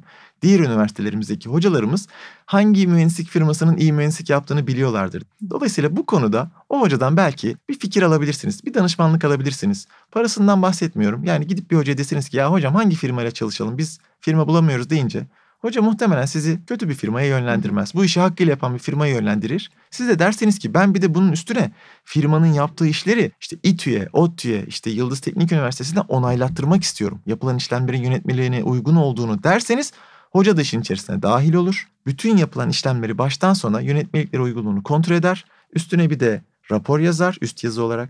Der ki bu yapılan işlemler yönetmelik şartlarına, güncel yönetmeliklere uygundur der. Siz de raporun içeriğine artık güvenebilirsiniz. Usulüne uygun yapılırsa en güvenli yöntem budur. Çok maliyetli mi? Şu andaki piyasayı çok fazla bir şey söyleyemiyorum ama yaklaşık bir şey söyleyeyim. Örnek veriyorum İstanbul'da 5-10 kat arasındaki konutlar en çok deprem kontrolü gerektiren konutlar. Buradan bir başlayalım. Depremden en olumsuz bunlar etkileniyor. Onu söyleyeyim. Yüksek binalar o kadar etkilenmiyor depremden. Bu 5-10 kat arası en çok etkileniyor. 5-10 katlı bir binada da yaklaşık olarak söylüyorum. Diyelim ki 40 daire olsun. Bu binanın böyle baştan sona işte karotu analizi kontrolü yani tahmin ediyorum bugünün fiyatlarıyla firmadan firmaya değişmekle birlikte yaklaşık bir şey söyleyeceğim ve bir sene sonra hiçbir anlamı olmayacak bu söylediklerimin ama 10 bin lirayla 50 bin lira arasında değişir. Biraz makas büyük değil mi? Hı hı. Ama hepsi çok küçük aslında. Yani en üstten bile alsak daire başına bin lira düşecektir bugünün parasıyla söylüyorum. Yani kontrol çok pahalı değil. Şey gibi düşünebilirsiniz. Bir otomobil almak istiyorsunuz. Günümüzde 1 milyon lira filan otomobiller yani ortalama benim gördüklerim. Bunu kontrol ettirmek istiyorsanız ekspere götürüyorsunuz. Eksper kaç liraya yapılıyor? Benim bildiğim 1000 liraya yapılıyor eksper. Örnek veriyorum şu anda. Yani otomobilin maliyetinin binde biri bir şey değil mi? Yani çok dokunmayan bir maliyet. Dolayısıyla binanın eksperi de 40 daireli bir binanın değerini düşünün 40 milyon lira. Kontrolü 40 bin lira. İşte bakın gene binde biri gibi oldu mesela. Yaklaşık olarak söylüyorum. Sonuç çıkacak sonuç pahalı ya insan ondan korkuyor. Evet, çünkü yani bedeli yüksek tabii. Değerlendirme hiçbir şey değil. Çok çok. Değerlendirmeyi önemli. yaptık sonra diyelim ki güçlendirme çıktı. Hmm. Şimdi güçlendirme diyelim ki binanın yeniden yapım maliyetinin yüzde otuzu olsun. İşte birdenbire şimdi 15 milyon liralık bir fatura var önünüzde. Tabii.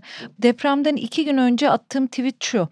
Deprem riski bu kadar yüksek bir ülkede başına sokacak ev fiyatını arşa erdirmek cinayete teşebbüs gibi bir şey. Yani sert bir şey ama ev fiyatı bakıyorum ve özellikle hani büyük şehirlerde uçtu, maliyetler de uçtu. Evet. İnsanlar korkuyor tabii ki. Size şunu da sormak istiyorum. Yüksek bina ve alçak bina. İstanbul'da alçak bina çok az kaldı. Bir iki katlı. Yapılanların bir kısmı da gece kondu nihayetinde onlar da tehlikeli muhtemelen ama siz şöyle bir şey söylemiştiniz. Deprem yönetmeliğinden sonra yapılmış yüksek binalar ve alçak katlı binalar gene en iyileri ama arada 5-6 kat mı 8 kat mı işte onlar aslında daha tehlikeli evet. mi dediniz? 5, Böyle bir kat genelleme arası, yapılır mı? Evet 5-10 kat arası binalar depremden en çok etkilenirler. Bunun basit bir mekaniği var aslında. Böyle sözlü anlatmak zor ama elimden geldiğince yapayım. Yer sallanıyor. Yer belli bir frekansta sallanıyor. Frekans demek şu demek. Yer sallanırken bir saniyede kaç tur hareket ediyor, git gel yapıyor. Mesela hmm. depremler şöyle olur. Depremde yer bir saniyede 3-4 tur atar. Yani bir saniyede 3-4 kere sallanır. Yer böyledir yer sarsıntısı. Öyle bir saniyede 100 kere sallanmaz. Çamaşır makinesi gibi bir sallantı değildir yani. Böyle 3-4 saniye yani 3-4 hertz frekansta sallanırlar. Binalara gelelim şimdi. Çok yüksek bir binayı düşünelim. Maslak'taki binalar gibi yüksek binalar. Onların salınım periyotlarına bakalım. Yeterli kuvvetimiz olsa ve bu binayı en tepesinden tutup şöyle biraz çekip bırakabilsek sallanacaktır. Sallanıp yavaş yavaş durur ondan sonra. Onlar iki saniyede bir tur atarlar. Yani iki saniyede bir turunu tamamlar başa döner. Yani bir saniyede yarım tur attı. Yani frekansı 0.5 Hz. Yerin frekansı neydi? 3 Hz. Çok uzak değil mi birbirinden? Yakın değiller. O yüzden yüksek binalar depremden daha az etkilenirler. 5-10 katlı binalar eğer bir gücümüz yetse buna ve tepesinden tutup çeksek ve bıraksak bir saniyede 3-4 tur atarlar. Yerin hareketi de bir saniyede 3-4 tur atıyor. Bunlar üst üste biniyorlar. Dalga uyuşması ya da işte dalga örtüşmesi dediğimiz rezonans olayı gerçekleşiyor.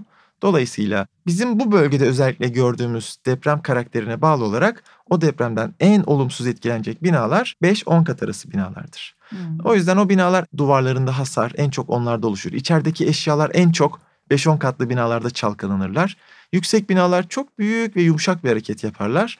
Ama o 5-10 kat arası bizim orta yükseklikte dediğimiz binalar şiddetle sarsılırlar. Yıkılmazlar ama hasar alırlar. Yani o yüzden onlar çok etkileniyorlar. Kısa binalara gelelim. Kısa binalar o kadar kısa ve tıknazlar ki tepesinden tutup çektiğiniz zaman böyle çok hızlı bir şekilde tık tık tık diye sallanıp dururlar. Deprem sırasında onlar sallanmazlar. Bütün olarak hareket ederler. Dolayısıyla iki katlı, üç katlı küçük binalar depremden daha az olumsuz etkilenirler. En olumsuz 5-10 kat arası diyebiliriz. Hı hı. Bitişik nizam da aslında birbirine iyi etkilemeyen bir şey değil mi? Aslında birbirlerine dayanırmış gibi geliyor bize ama aslında birbirine çekiç etkisi yapıyormuş. Çok doğru. Bu da bir şehirleşme problemi. Bakın hep binaları tek tek konuşuyoruz. Ama şimdi yan yana gelen binalara geldik konu. Evet. Yani bu Gittikçe şehirleşme. şehre geleceğim. Evet. evet. Yani şehirleşme binaların birbiriyle olan interaksiyonunu da göz önüne alacak şekilde yapılmalı. Bu benim konum olmadığı için onlarda çok yorum yapmıyorum ama işin mekanik ve teknik kısmı ile alakalı yorumum var tabii ki. Yani şehir bölge plancılar, tapu kadastro ekipleri neyse buna karar verenler normalde nasıl binayı yoldan çekiyorlar? Bir çekme mesafesi var değil mi? Yoldan 3 metre geride yapacaksın. Yan yana gelen binaların da arasına normalde bir boşluk konması lazım. Sadece depremden dolayı değil, insani olarak da böyle aslında. İki binanın arası yapışık olmamalı. Bir boşluk olmalı ki orada tesisat, tamirat vesaire gibi şeyler yapılabilsin. İki binanın arasından tepeden yağmur suyu giriyor. Kimse bunu engelleyemiyor ondan sonra. Baştan bunu bir ayrı yapmak lazım. Bitişik nizam inşaatın deprem açısından baktığımız zaman problemi de şu.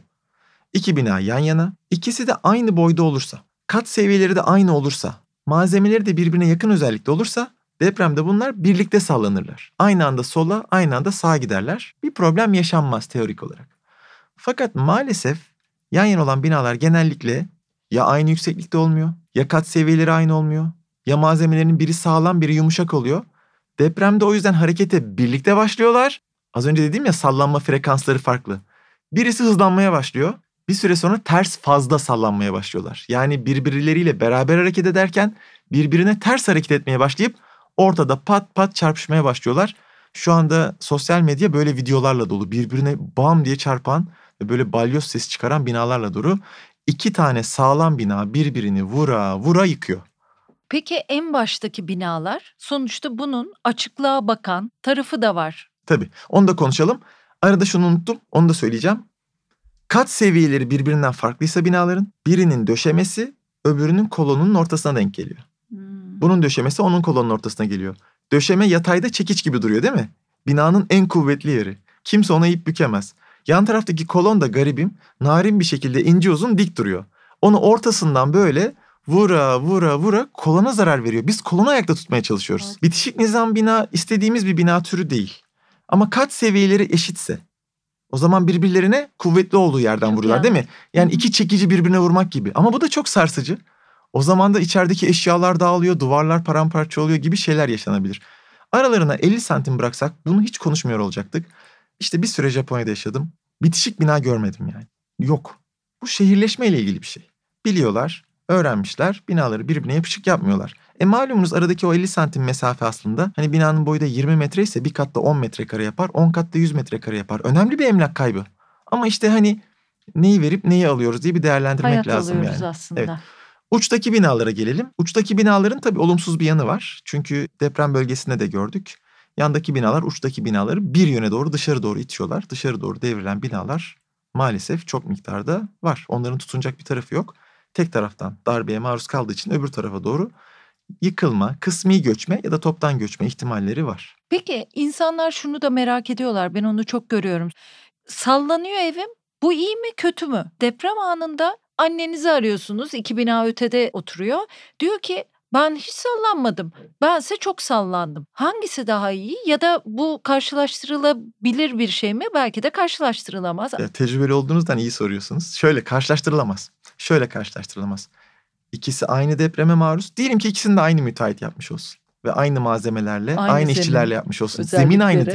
değil evet. Hmm. Dedim ya 20 metrede, 30 metrede, 40 metrede bir zemin değişir. Birisi sert zemindedir. Bir tanesi görece yumuşak zemindedir. Biri depremi daha çok hisseder. Bir tanesi depremi daha az hisseder. Zemin burada çok önemli. Dolayısıyla zemin etüdünün çok iyi yapılması lazım. Bu benim uzmanlık alanım olmadığı için konuşmaktan imtina ediyorum. Fakat zeminle yapının etkileşimi dediğimiz bir şey var. Normalde yıkılmayacak sağlam bir bina zemin yüzünden büyük hasar alabilir ya da çok sağlam bir zemin aslında biraz zayıf olan bir binayı kurtarabilir. O yüzden de bizim deprem bölgelerinde gördüğümüz yamaçta biraz sert zeminlerdeki 40-50 yıllık eski yıkıldı yıkılacak gibi görünen binalar depremi hiç sorunsuz atlatmışlar. Şehrin ortasındaki 2018'de yapılmış yepyeni binalar depremden çok zarar görmüşler. Zemin depremin dalgasını bir hoparlörün sesi yükselttiği gibi yükseltebilir ya da alçaltabilir. Peki bilemezsiniz bugünden niye 2018'den sonra yapılmış o binalar çöktü? Ha, Biraz nedir biliyoruz. mesela? Yani birkaç örneği var bunun. Ha. Önce şunu söyleyeyim. Maalesef bu yaşadığımız depremde yıkılan binaların çoğu eski binalar. Özellikle de 2000 senesinden önce yapılmış binalar. Bunu biliyoruz. Bunu birçok kişi kabul etmek istemiyor. Yeni binalarda yıkıldı. Biliyorum yeni binalarda yıkıldı ama istatistiksel konuşmak lazım. Yeni binalardan yıkılan daha az. Yıkılmaması gerekiyordu. Sorun orada o herhalde. Eskilerin de yıkılmaması gerekiyordu ona da gelelim. ha. Eskilerin de yıkılmaması gerekiyor. Ömrü gitti diyelim. Ömrü gitse de yıkılamaz. Ömrü gidecek, Ha, içindekini bu- koruyacak, kendi Hmm. hasar alacak, kendini feda edecek, Hmm, içindeki vatandaşın çıkacağı kadar müsaade edecek sonra yıkılacak. Tamam. Bir otomobil gibi. İçindeki yolcusunu, şoförünü airbaglerini patlatmak, motor bloğunu kaydırmak pahasına koruyacak. Kendi kullanılamaz pert hale gelecek. İçinden insanlar burnu kanamadan ya da küçük yaralarla kurtulacaklar. Böyle tasarlanması lazım. Hmm. Biz hasar almasın demiyoruz. Yani kaza yaptığınız otomobil tamponu bile kırılmasın demiyoruz. Kırılsın, enerjiyi yutsun, içerideki airbagler patlasın, arabanın içi kullanılamaz hale gelsin ama vatandaşın ya da içinde kullananın canını korusun, içeriden çıksınlar. Eski bile olsa. Eski de olsa öyle. E peki Binalar niye da öyle. bunlar? Yıkılmasının Birinde- sebebi şu. Evet. Projelerde bir hata olduğunu düşünmüyorum. Kontrol edilir. Projelerde bir hata olduğunu düşünmüyorum. İki problem var. Bir, zemin etüdü yeterli yapılmamıştır. Maalesef etraftaki başka zemin etütleri, başka raporlar kullanılarak, daha çok bizim copy paste dediğimiz eski bir rapor ya da benzer bir rapor kullanarak zemine önem verilmemiştir. Bina güzel bir şekilde modellenmiş, analizi yapılmış ve inşa edilmiştir. Fakat zemin atlandı ya az önce. Bina yumuşak bir zeminin üzerindedir. Bir apartman öyle arkaya doğru komple yatmış. Belli ki orada bir sıvılaşma dediğimiz... Zemine bakmak en önemli şeylerden biri diye anlıyorum. Zeminden başlamak en önemli şey. Evet. Yani analizlere başlarken biraz önce öyle konuştuk değil mi? Hani işte önce bir gidilir, yerinde bir bakılır, zemin bir kontrol edilir. Oradan başlıyoruz. Çünkü deprem dalgası oradan geliyor. Sonra üst katlara doğru çıkıyoruz. Dolayısıyla zemin analizi çok önemli. Eğer zemin etüdü iyi yapılmışsa, iyi bir geoteknik destek, uzman görüşü alınmışsa o görüşe bağlı olarak üst yapı inşa edeceğiz. Çünkü temeli ona göre yapacağız. Orada yıkılan, toptan böyle arkaya göçen bir bina var. Fotoğrafları sosyal medyada ve internette çok dolaşıyor. O binanın bir tarafı artık altındaki zemin tamamen çökmüş. Sıvılaşma dediğimiz şey bu. Çok basit anlaşılsın diye böyle söylüyorum. Sanki böyle su yukarı çıkıyor, toprak aşağı iniyor gibi bir fenomen bu. Böyle bir olay. Dolayısıyla bina basacak yer bulamıyor. Bir tarafındaki toprak çökmüş, bir tarafındaki duruyor. E ne olacak? Önce tilt dediğimiz böyle yavaş yavaş yan tarafa doğru yatıyor. Sonra toptan bir tarafa doğru çöküyor. Bu zemin sıvılaşmasından dolayı meydana gelen farklı oturmanın meydan olduğu bir yıkılma durumu. Bir tanesi bundan. Zeminin iyi incelenmediği, zeminin iyi etüt edilmediğinden kaynaklanıyor.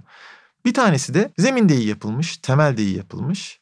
Üst yapıya gelince kasıtlı ya da kasıtsız bunu düzgün söylemenin bir yolunu bulamıyorum. Benim görevim değil o insanları hakkında suç duyurusunda bulunmak. Keşke olsa canlarını yakardım. Giriş kattaki perdelerin, perde dediğimiz en çok deprem yükünü taşıyan düşey eleman demirleri eksik ya da yanlış yerleştirilmiş. Yani uygulama hatası. Kasıtlı ya da kasıtsız. Kasıtlı da suç, kasıtsız da suç bunu da söylemem lazım. Uygulaması projesine göre yapılmadığı için depremde de bizim beklediğimiz davranışı göstermemiş. Peki yanlışlarımı siz düzeltin. Ben bir bina yaptırmak istiyorum. Bir mimarla çalışıyorum. Daha sonra mimarın çizdiğini bir mühendise veriyoruz. İnşaat mühendisi, onların ekipleri zemini kontrol ediyorlar, bir proje çıkartıyorlar. Daha sonra onu çeşitli insanların ellerine veriyoruz o projeleri değil mi? Farklı şekillerde herkesin kendi anlayabileceği şekle getiriyoruz ve bir müteahhit o binayı yapmaya başlıyor. İşçiler geliyor, yapıyorlar. Ara ara kontrolörler geliyor diye anlıyorum değil Doğru. mi? Her kat Doğru. yapıldığında bir kontrolör geliyor. Beton düzgün döküldü mü bakıyor, içinde hava var mı bakıyor, projeye uygun yapıldı mı bakıyor. Bakıyor bakıyor, bina yapılıyor, bitiyor, her şey bitti. Sonra yapı denetimi geliyor. Neye bakarak onay veriyor? Yani o aradaki işlemleri yapan kişinin raporlarına bakarak. Doğru. Tekrar bir yeri açıp kontrol etmiyor muhtemelen. Açamaz tabii. Arada her aşamada daha açıkken yapılan uygulamaları tek tek onaylara bakıp tamam her şey düzgün yapılmış diyor değil mi? Ya şunu da söylemek istiyorum. Bu depremden bağımsız söylemek istiyorum. Çünkü çok insanın canı yandı. Böyle söyleyince yanlış anlaşılabilir. Çok bina yıkıldı. Ama o bölgede oradaki müteahhitlerimiz düzgün binalar da yapmışlar yani. Yapılabiliyor demek istiyorum. Yani öyle mühendislerimiz, öyle işçilerimiz, öyle müteahhit ve kalfalarımız var. Bir de böylesi var. Kötü yapanlar, dikkatsiz yapanlar, eksik yapanlar da var. Bunu bir söyleyeyim. Her işin iyisi ve kötüsü var. İlk baştaki projelendirme sürecinde bir öneride bulunabilir miyim? Ülkemizde tam da sizin dediğiniz gibi önce mimara proje çizdirilir. Sırası yanlış aslında. Sevgili eşim mimar, çok da iyi bir mimar. Önce mimar ve mühendisin beraber çalışmaya başlaması lazım. Kendi babam, oğlum mimara proje çizdirdim diyor. E baba ben mühendisim ya. Mimarla beraber ben de oturup kolonların kirişlerinin yerlerine karar versem. Çünkü mimari proje bir sanat eseridir. Bir müellifi var onun, bir şekli ve tasarımı var. E ben bunun istediğim yerine kolon koyamam. Kolon koyduğum anda mimari proje bozulur. Projenin değiştirilmesi ya da bazı tadilatlar yapılması gerekir. E, mimar onu baştan yapmak istemez değil mi? Çünkü tasarımı bozuluyor. Halbuki baştan beraber otursalar bir mimar ve mühendis şuraya kolon koyalım. Salonun şurasında ama şuna dikkat edelim gibi konuttan bahsediyorum şu anda. Ya da şurada şöyle detaylar yapalım dese ve mühendis orada deprem bölgesindeki yapı tipinde dikkat edilmesi gereken unsurları mimarla beraber mütalaa ederek karar verseler daha iyi olur. Projenin başında mimarla mühendis birlikte başlamalı. Mimari fonksiyonların en az etkilenmesi fakat binanın da yeterince güçlü olması için mimarla mühendis en başta taşıyıcı sistemin nasıl yerleştirileceğine birlikte karar vermeleri lazım. Hmm. En başta mimari projeyi yapıp onun içine iskeleti sonradan giydirmeye çalışırsanız iskelet olması gereken yerlere gelemeyebilir mimariyi bozmamak için. Bu da binada istemediğimiz olumsuz zayıflıklara, bazı eksikliklere sebep olabilir. Bunu çok sık görüyoruz. Mümkünse en başta mimarla mühendis birlikte oturmalı. Taşıyıcı sisteme ve binanın genel planlamasına birlikte karar vermeleri lazım. Zaten 1900'lerin başında galiba mimar mühendisler çok. Mimar Sinan aslında mühendisliğini de yapıyor. Biz ona Mimar Sinan diyoruz. Mimar malumunuz imar eden demek. Yani binayı tasarlayıp inşa eden demek. Mimar Sinan aslında hem mimar hem de inşaat mühendisi o zaman. E, nitekim çok uzun zaman önce değil bizim hocalarımız mimar mühendisti. Özellikle İstanbul Teknik Üniversitesi'nde işte 4 yıl yerine 5 yıl okuyunca hem mimarlık hem de mühendislik diploması zannediyorum 70'lere kadar alınabiliyordu. Ya hala böyle imkanlar var. Yani ikisini çap yapıp hem mimarlığı hem mühendisliği bitirebilirsiniz. Orada şöyle bir zorluk oluyor. İnşaat mühendisliği müfredatının içerisinde hem binalar var hem de bizim sanat yapıları dediğimiz tünel, köprü vesaire, baraj gibi yapılar da var. İnşaat mühendisliğinin alanı o kadar genişletilmiş ki bizim ülkemizde.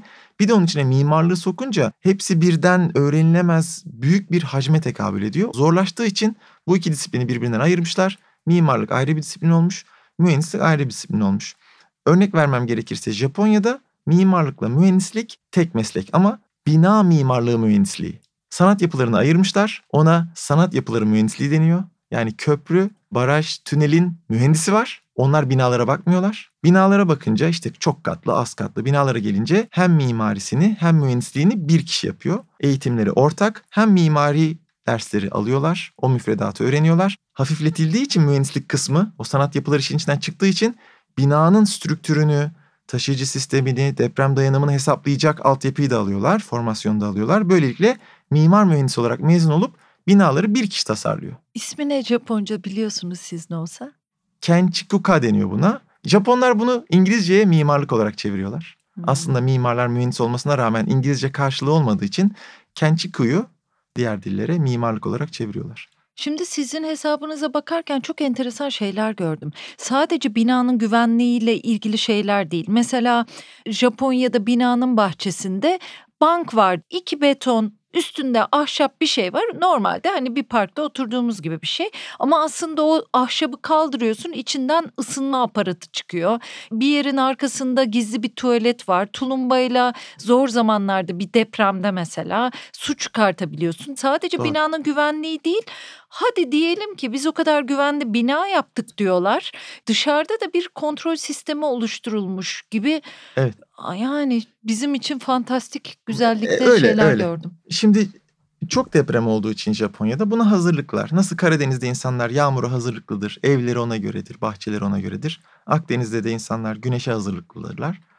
Onlar da deprem hazırlıklar. Çünkü hep deprem oluyor. Ben biraz daha sık deprem olsa iyi olur diyorum. Yanlış anlaşılıyor. Ben şu anda çok deprem olsun demiyorum. Türkiye'de eskiden beri sık deprem olsaydı şimdiye biz de Karadenizlilerin yağmura hazırlandığı gibi depreme hazırlanmış olurduk demek istiyorum.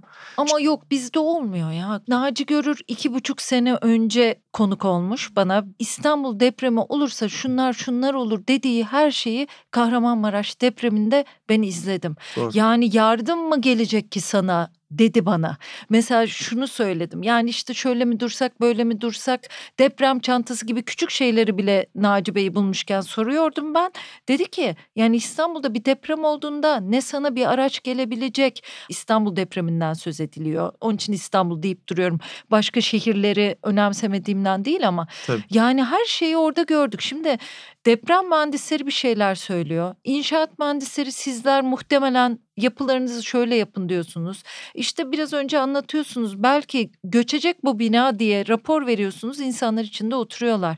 İnsanların sallanmasıyla bile harekete geçmediği bir sistem önlem alalım, kanunlar koyalım. Bir yılda başlarsan 30 yılda sonuç alırsın. 99'da biz başlasaydık arada da çok deprem de gördük. Bugün başka bir yer olurduk. Yani kentsel dönüşüm diye rantsal dönüşüm yaptık dediği de Naci Bey'in doğru sanki. Bağdat Caddesi'nden başka yerde deprem olmayacak gibi bir düzen görüyorum ben. Rönesans, rezidans nasıl yıkılmıştır aklım alamıyor. 2018 sonrası ya uygulamacısı kötü yaptı ya zeminine bakılmadı ama birileri de buna onay verdi. Bunun olmaması gerekirdi. Şimdi deliririm değil mi? Böyle bir binada bir şey olsa. Çok haklısınız. Buna nasıl önlem alınabileceğini tam ben de kestiremiyorum ama bu şunun gibi. İdeal şartlarda evimizdeki kıymetli eşyaları kasaya da koymamalıyız. Hırsızlık olmaması lazım. Evet. Ama hırsız var yani. Tedbir almak zorundayız yani. Burada her yer hırsız olmuş gibi bir şey olmuş. Evet. Öyle de olabilir haklısınız. Yani şimdi yeni binayı niye kontrol etmek isteyelim ki? Etmememiz lazım ama kötü insanlar her yerde var. Onlara tedbir alamayız maalesef. Aslında alabiliriz bence de. Yani bu Ala, sizin evet. alanınız değil. Sizi de çok karıştırmak istemiyorum ama şunu da söylemek lazım. Millet kendi evinden yıkılan binası kanunen niye yıkıldı soruşturtmak için o haldeyken parça alıp dava açmaya çalışıyor. Yani yıkılmış tamamen. Evet. Yıkılmış binadan parça almanıza gerek yok. Yıkılmışsa kötü yapılmıştır aslında ama şu anda öyle bir uygulama var. Ama suçlusu kim? Hangi aşamada kötü yapılmış onu bilmiyoruz değil mi? Mimarı mı mühendisi mi yani işte danışmanı mı? O kadar çok bileşen var ki evet. orada onu ayrıştırıp suçluyu bulmak çok zor. Hı hı. Sen bu insanlara düzgün bir ceza verirsen insan canıyla oynatıyorsun değil mi? Ya ve bir bilimi var bunu ya siz Tabii. doğrusunu anlatıyorsunuz. Neyse size çok yorum yaptırmak istemiyorum. Peki dışarıdan güçlendirme Hangi tip binalara yapılıyor? Daha çok kamu binalarına mı? Şimdi dışarıdan güçlendirmeyi özellikle araştırmamızın ve uygulamaya çalışmamızın sebebi şu. Diyelim ki binanızı inceledik, incelendi ve yeterli deprem güvenliği seviyesinde olmadığı anlaşıldı. Güçlendirilmesi lazım. Dedik ya bunu güçlendirmek için bina komple tuğlalarından, duvarlarından ayrılacak, soyulacak, içerisindeki kolonlar mantolanacak, perde eklenecek. E bu sırada evde bulunamıyorsunuz. Evi kullanamıyorsunuz ya da ofisinizi kullanamıyorsunuz. E bu da büyük bir kayıp ve zorluk. Acaba bina kullanılır durumdayken dışarıdan güçlendirme mümkün olabilir mi diye yapılan bir araştırmanın sonucu bu. Ya Japonya'da çok uygulaması var. Ülkemizde de başladı yavaş yavaş. Bina hiç içine girmeden sadece dışarıdan bazı çelik elemanlar, sönümleyici dediğimiz az önce bahsettiğim enerji yutan elemanlar o gibi. çapraz mı oluyor genellikle o sönümleyiciler? Genellikle çapraz olacak çünkü bina hareket ettiği zaman ileriye geriye o çapraz da büzülüp genişleyerek yani kısalıp uzayarak içindeki piston o sırada enerji yutacak. Yani çalışma prensibi ona bağlı. Dolayısıyla bunlar sadece dışarıdan takılırsa içerideki hayat devam ederken belki yalnızca bu ankrajların, montajların yapıldığı odalar geçici olarak kapatılabilir. Ondan sonra tekrar o odalara geri gelirler. Yani denir ki binada şu cephedeki odaları bir boşaltın. Olur da içeriye bir cam kırılır bir şey olur. Hani başınıza bir şey gelmesin diye. Yoksa büyük bir hasardan bahsetmiyorum. Tedbir olarak sadece odaların bazıları geçici bir süre sanki yalıtım yapılıyormuş gibi ya da boya yapılıyormuş gibi boşaltılır. Sonra o odanızı geri kullanabilirsiniz tamamlandıktan sonra güçlendirme. Dışarıdan güçlendirme mümkün. Bunun en çok uygulanabileceği binalar şunlar. Planda dikdörtgen gibi olan binalarda bu daha kolay. Hmm. Çünkü planda üçgen yok bir kenarı yuvarlak falan olunca zor oluyor bu dışarıdan böyle dikdörtgen gibi görünecek. Mümkünse çıkma olmayacak dışında. Çok yok biliyorum konutlarda bu ama çok okulumuz var böyle. Çok hastanemiz var, çok ofis binası var.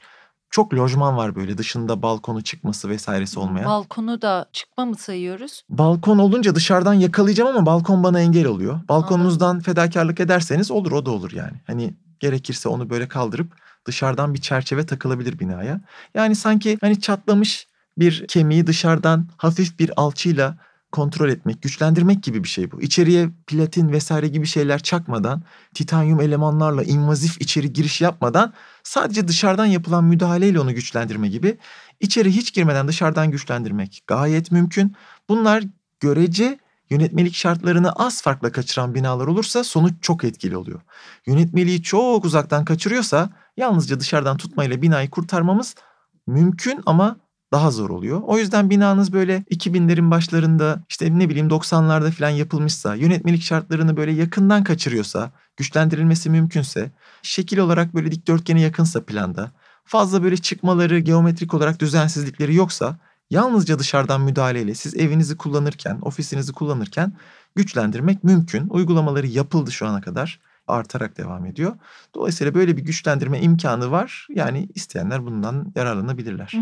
Siz yığma yapılar hakkında çok konuşmak istemiyorsunuz. Bakması ve kontrol etmesi de zor. İstemiyorum diyeyim şöyle İstanbul'daki yığma yapıların büyük birçoğu tarihi değil mi? Daha görece evet. eski. Bunların da birçoğu bizim tarihi eser ya da anıt bina dediğimiz hı hı. binalar olmasa dahi ikinci sınıf tescilli mimari dediğimiz çoğunlukla evet. Anıtlar Kurulu tarafından tescillenmiş binalar. Yığma yapının davranışı da benim az önce anlattığım gibi kolonlar, kirişler gibi görevleri paylaşmış elemanlardan oluşmuyor. Taşıyıcı yığma duvarlar var. İşte efendim bazı döşemeler var. İşte volta döşeme dediğimiz yine tuğladan yapılmış döşemeler var. Bunun davranışı biraz daha kompleks.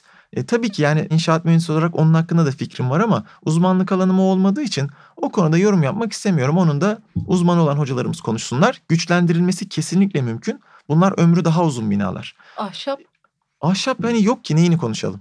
Konuşalım ama yok ülkemizde ahşap bina. Pek az yani. Hani öncelikli olarak stokta çok bulunan binalardaki problemleri çözmek Tabii, bizi sonuca götürecektir. Ahşap çok güzel bir yapı malzemesi. Benim de çok böyle beğendiğim, sevdiğim bir yapı malzemesi. Bir uzmanlığım yok bu konuda.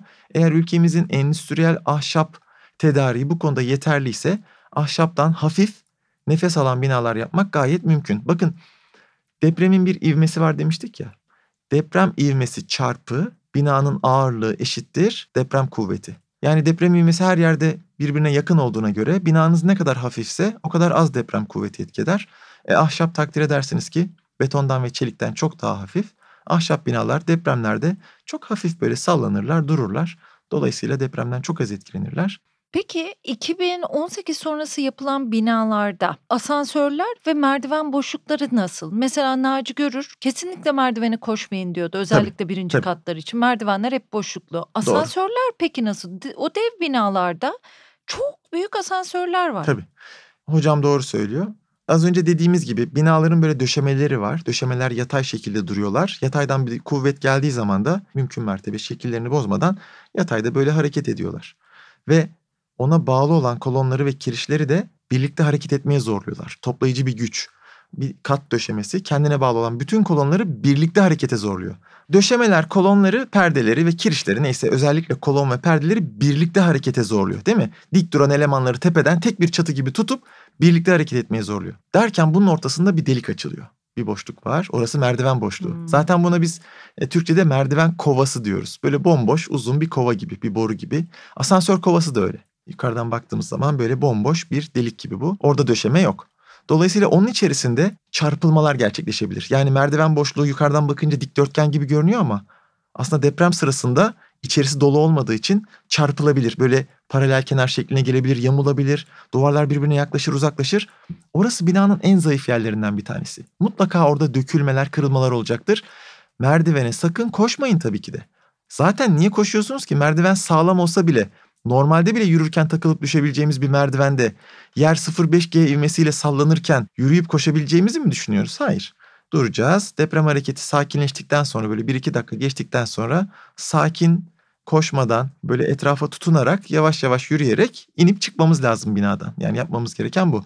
Asansöre gelince depremlerde özellikle yüksek binalardaki asansörlerin zaten otomatik olarak durması lazım. Peki yeni binalarda da bu deprem yalıtımı yapılmış, her şey çok teknolojik. Aynı kurallar geçerli diye anlıyorum değil mi? Deprem yalıtımlı binalarda depremin büyüklüğüne bağlı olarak depremi hissetmeyebilirsiniz. Ya. Tabii.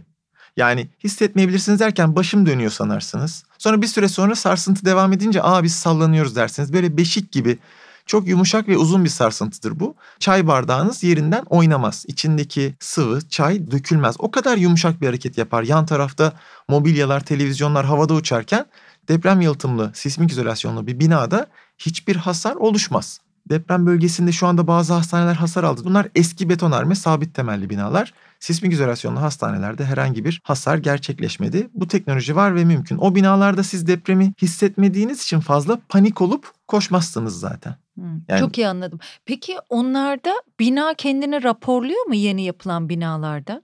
Ne demek raporluyor mu? Yani işte nasıl hareket etti Aa mesela? çok güzel.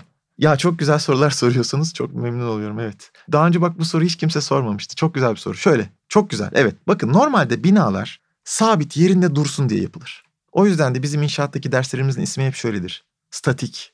Evet. Yapı doğru. statiği. Statik şu demek. Durma yeteneği demek.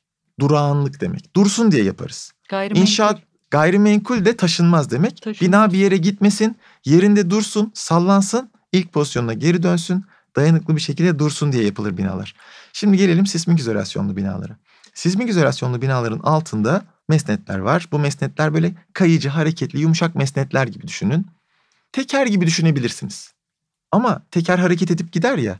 Bu teker çukur bir tabağın içinde hareket edip sonra merkezine geri dönmeye çalışıyor. Yani çukur bir tabağın içindeki bir top gibi Çok iyi anladım. kayacak ve merkezine geri dönecek. Güzel. Bu bina şimdi sabit, statik bir bina olmadı. Hareketli bir bina oldu. Dolayısıyla bu tür binaların modelleme ve analizini çok uzman kişiler yapabilirler. Yani statik nosyonuyla mühendislik öğrenmiş kişiler değil, bu konuda uzmanlaşmış dinamik yapıların analizini yapabilecek, sanki bir makine tasarımı gibi hareketli parçaların tasarımını yapabilecek dinamik hareketi anlamış kişiler ya da bu konudaki uzmanlar bu analizleri ve bu modellemeleri yapabilirler. Dolayısıyla bu binalar uygun bir şekilde modellenirse hareket ederler, tekrar merkezlerine geri dönerler. Bu hareket çok yumuşak bir harekettir. Hani az önce dedik ya binalar bir saniyede üç tur atarlar. Sismik izolasyonlu binalar 3 saniyede bir tur atarlar. Ne kadar yumuşak olduğunu anlıyor musunuz? Çok uzun ipli bir salıncak gibi. Yumuşakça sallanır, merkezine geri döner. Bu hareket çok büyük bir harekettir bu arada. Bina 50 santim sağa, 50 santim sola gider. Ama bunu çok yavaş bir şekilde yapar. Sonra merkezine gelir durur. Siz de deprem olduğu haberini televizyondan öğrenirsiniz. Deprem çantanızı omzunuza asar. Geçici bir süre ne olur ne olmaz diye dışarı çıkarsınız. Ya ne enteresan. Ya kusura bakmayın böyle çok ideal böyle e, yani kristal bir kulenin tepesinden anlatıyor gibi anlatıyorum ama bunları yaşadığım mümkün. için Japonya'da ya ve bu şey mümkün. Var. Türkiye'deki hastanelerimizde de bu mümkün. Bir tane deney tüpü devrilmemiş. Bir tane operasyon bozulmamış. Malatya'daki hastanede deprem sırasında operasyon varmış. Ameliyat varmış. Yani ve hiç aksatmadan devam etmişler. Yani düşünsenize cerrahın eli titremiyor. Ne kadar rahat yapabiliyor operasyonlarını. Dolayısıyla bu teknoloji ülkemizde var ve mümkün o yüzden de kullanıp yaygınlaşabilir. Peki doğalgaz, elektrik sistemi onlarla nasıl bağlantı içindeler?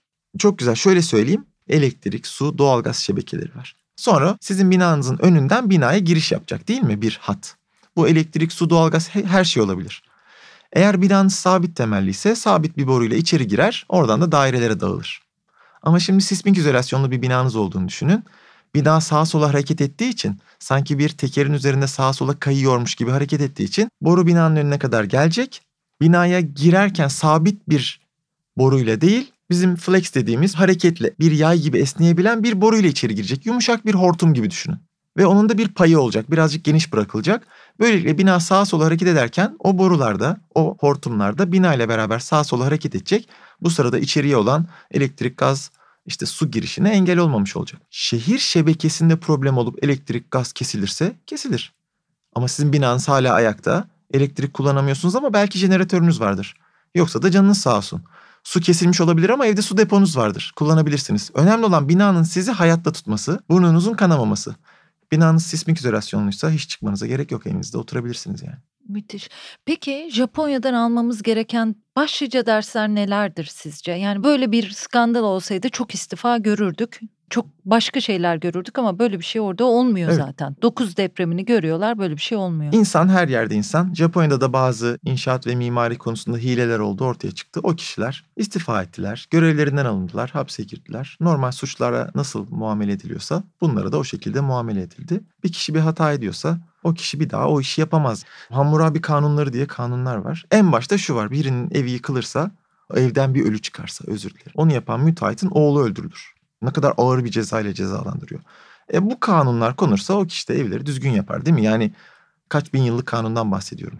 Japonya'da da böyledir. Yani bir kişi bir konuda bir hata ederse ve ondan dolayı birilerine zarar gelirse yani o kişi bir daha o piyasada iş yapamaz. Yani birazcık da Japonya'nın ada toplumu olmasından ve dışarıdan gelip giden olmamasından kaynaklanıyor. Herkes birbirini tanıyor. Böyle düşünün yani. Arada size şunu sorayım ya. Çok özür dilerim. Çok basit bir soru. Nasıl müteahhit olunuyor? Türkiye'de mi? Evet. Müteahhitlik belgesi diye bir belge var. Eğer firmanızda yani hani isminin sonunda inşaat yazan firmalar var ya işte Evet. bir şey inşaat, sanayi, ticaret. O inşaat lafını alabilmek için firmanızda belli bir sayıda mühendis, belli bir sayıda teknisyen, saha elemanı falan gibi çalıştırıyor olmanız lazım. Eczane açmak gibi. Eczanede de böyle. İşte bir klinik açmak gibi. Klinikte şu kadar doktorunuz olursa açabilirsiniz gibi kuralları var. Ve yaptığınız işin hacmine bağlı olarak yavaş yavaş daha büyük işler yapabilirsiniz. Yani hemen kurdum ben bugün. iki tane mühendisim, bir tane teknisyenim var. O zaman hemen 200 bin metrekare bir ofis yapayım yapamazsınız. İş bitirme belgenize bağlı olarak, daha önce yaptığınız iş referanslarınıza bağlı olarak o hacme uygun size yeni işler yapma görevi verebilirler. Müteahhitler başka müteahhitlerin iş bitirme belgelerini kullanarak büyük işlere talip oluyorlar. Aa, ne diyorsunuz? İşte Onun onlar- ortak giriyor gibi yapıyor. Olabilir. Bunda bir sakınca yok. Ben bunda Hı. sakınca görmüyorum. Bir, bir müteahhitin az tecrübesi var. Daha önce 50 bin metrekare iş yapmış sadece. Ama çok büyük bir işe talip olmak istiyor ama iş bitirme tecrübesi yetmiyor. Büyük bir müteahhitle ortaklık yapıyor. Diyor ki beraber girelim bu işe. Hem senin tecrübenden yararlanayım. Beraber yapalım diyor. Anladım. Bu çok normal değil mi? Ama sadece belgesini kullanıp hepsini kendi yapmaya çalışırsa mevcut tecrübesiyle o kadar büyük işin altında kalır muhtemelen. Bu ne zamandan beri böyle? Bu inşaat firması olacak. İçinde mühendisler çalışacak. Yakın zamanda oldu bu düzenleme. Ha. Aslında maalesef birkaç sene önce ben yani bilenler düzeltsinler tam emin değilim ama birkaç sene önce zannediyorum 2020'de 19'da olabilir. Ha çok yeni. Ee, çok müteahhit vardı Türkiye'de 400 bin müteahhitlik belgesi olan kişi vardı. Sonra bir düzenleme yapıldı. Peki şu kötüymüş. 4 yıl öncesine kadar Mühendis çalıştırmadan müteahhitlik yapabiliyordunuz. Mühendislik hizmetini dışarıdan alıyordunuz. Şimdi diyor ki bünyende olacak. Peki müteahhit 4 yıl öncesine kadar denetimini yapan kişiyi ya da kurumu kendisi seçebiliyormuş. Bu kötüymüş. Hala öyle mi bilmiyorum. Hala öyle mi Değilmiş, bilmiyorum. yıl öncesine evet, kadar. Yapı denetim firmaları vardı. Şimdi devlet diyordu ki müteahhite sen bir iş mi yapmak istiyorsun? O zaman projesini iyi bir yere yaptır. Yaptırdık projeyi. Elimizde mimari ve mühendislik projemiz var. Tamam. Sen şimdi bunun inşaatını mı yapmak istiyorsun? Tamam. İnşaata başlamadan önce bu projelerin yönetmeliklere uygun olduğunu bir yapı denetim firmasına denetlettir diyor. Yani devlet söylüyor bunu. Denetlettir diyor sana. Evet. Dolayısıyla siz de gidiyordunuz bir yapı denetim firmasıyla anlaşıyordunuz. Bunu bir laboratuvar gibi düşünebilirsiniz. Yani laboratuvarı kendiniz seçebilirsiniz aslına bakarsanız. Değil mi? Ben kan tahlilini yaptıracağım laboratuvarı kendim de seçebilirim. Yanlış iş yapacak hali yok ya. Kan Diyorsunuz. tahlili yaparken değil mi? Hani öyle düşünüyoruz biz normal vatandaş olarak. Fakat tabii ki yapı denetim firmasını kendin seçersen bir şaibeli oluyor bu. Parasını senin verdiğin kontrolör, senin yaptığın bazı hatalara, senin yaptığın baskı sonucu sanki olumluymuş gibi rapor verebilir değil mi? Yaşandı yani bunlar. Çünkü şöyle kan tahlili yaptırmaya kendi vücudum için gidiyorum. Doğru. Ama yapı denetim firmasında başkaları, başka canlar oturuyor. Tabii evet ki. benim adıma bir şey ama deprem olmazsa o bina duruyor zaten. Tabii. Yani duracak gibi yapıyorum. tabii anlıyorum. Ben an- kolay anlaşılsın diye öyle Mesela söyledim. Yani yapı denetim firması yıkılmış öyle fotoğraflar dolaşıyor ya. Yani dedim iletişim yayınlarının bir kitabının kapağı olur. Yani yapı denetim firması yazıyor etikette. Bina çökmüş onun çöktüğünü görüyoruz terzi gibi. kendi söküğünü dikemez. Dikememiş. Yani yanlış biliyor olabilirim kusura bakmayın piyasada çalışmıyorum ama bildiğim projeler şu şekilde. Bir proje yapılırken müteahhite yapı denetim firması atanıyor artık. Ama ne değişti ki? Müteahhit çok güçlü, yapı denetim firması çok küçük. Belki çeşitli baskı ve teşviklerle umarım ne demek istediğimi anlıyorsunuzdur. Olumsuz şeyleri olumlu gibi rapor alıyor olduklarını düşünüyorum. Anladım. Ee, lütfen devlet memuru olduğum için her şeyi açık söylemediğimi anlayınız. Evet.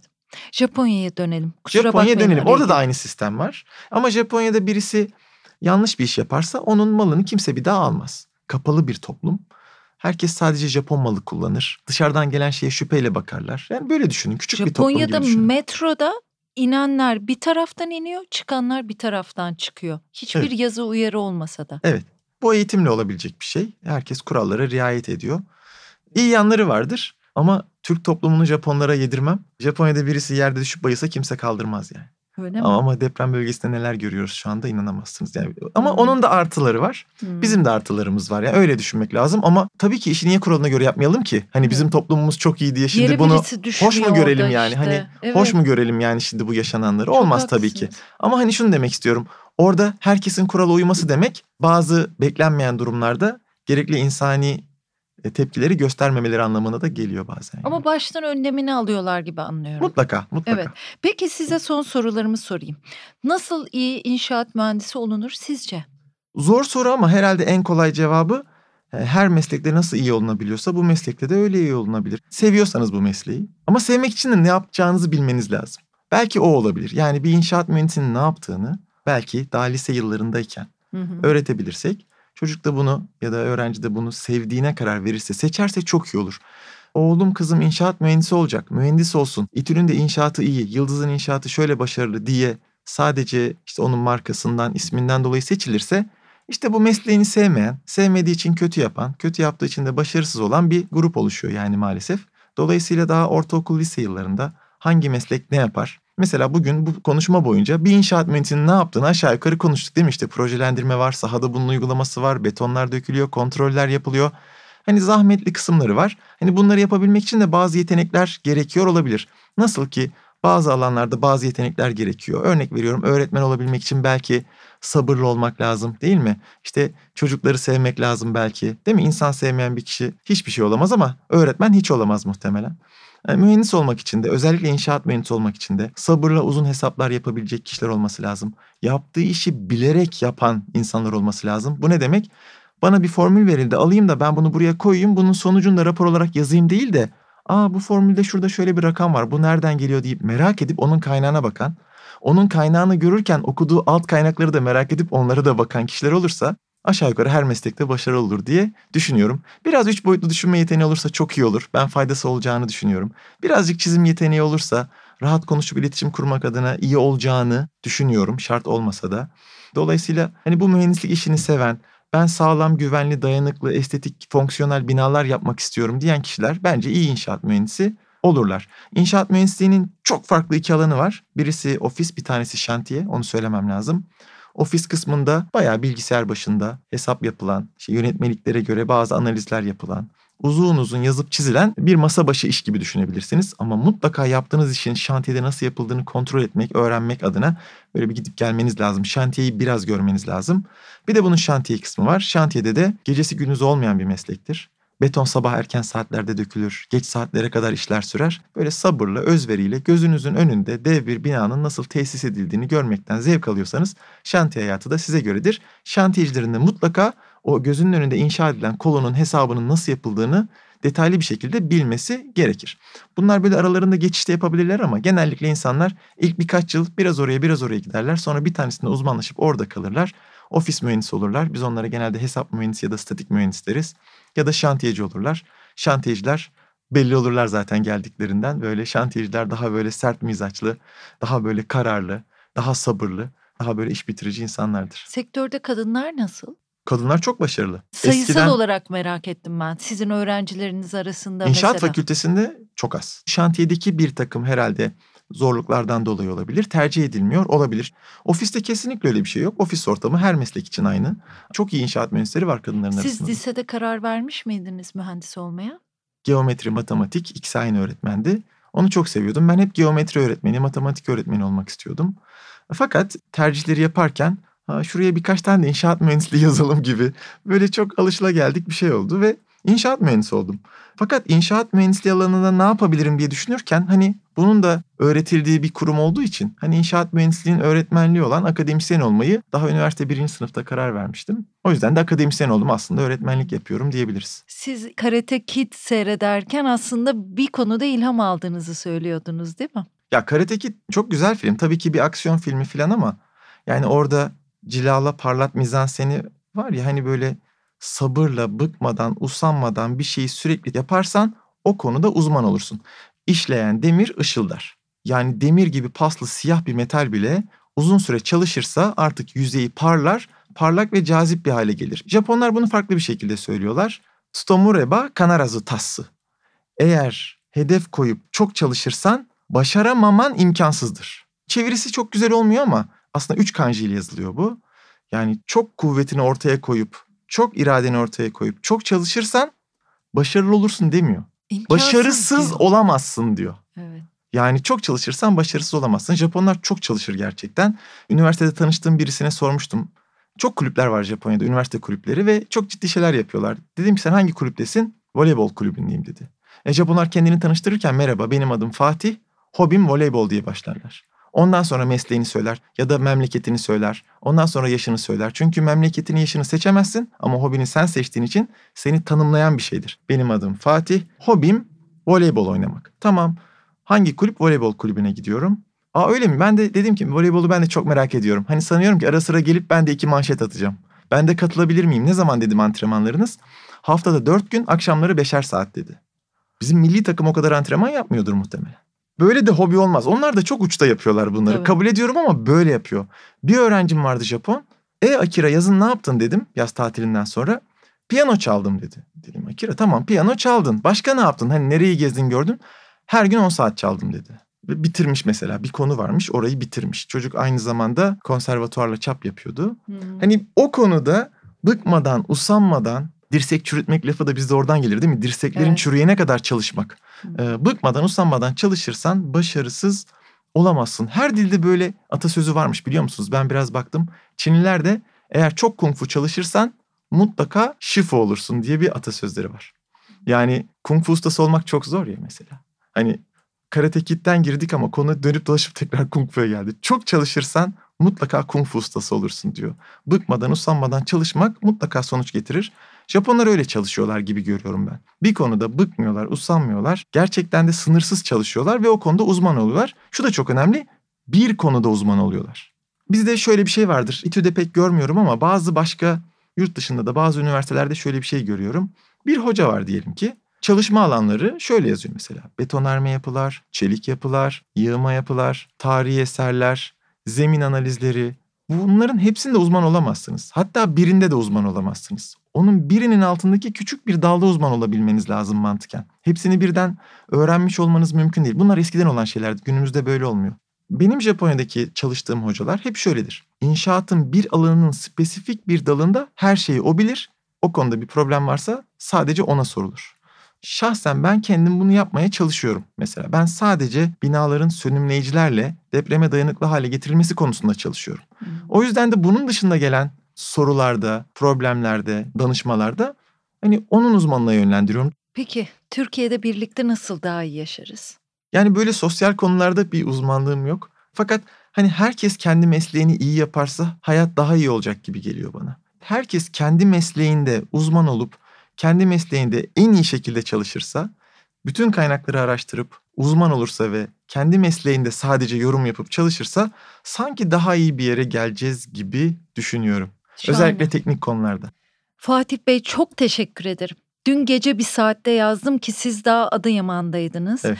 Hem bu kadar işinizin arasında Allah'tan Storytel ofisi İTÜ'ye çok yakın. Hemen buluştuk. Sosyal sorular olursa biz sayısalcıyız dediniz. Bunu da çok iyi anlıyorum ama ben de şunu tavsiye edebilirim. Nasıl olunur dinleyicilerine? Bugünden sonra inşaat mühendisi olmak isteyen bir insana mesela mutlaka sözel de kendinizi çok iyi ifade edebilen insanlar olun. Sayısal, matematiksel pek çok insanın ifade etme gereği duymadığını hissediyorum işini. Çok iyi anlıyorum. İşini iyi yapmak çok önemli bir şey zaten. İşini iyi yapması da zaten bize yetiyor ama bugün o işin nasıl yapıldığını bizlere de öğreten insanlara ihtiyacımız var. Bir, gelecek nesilleri özendirmek için.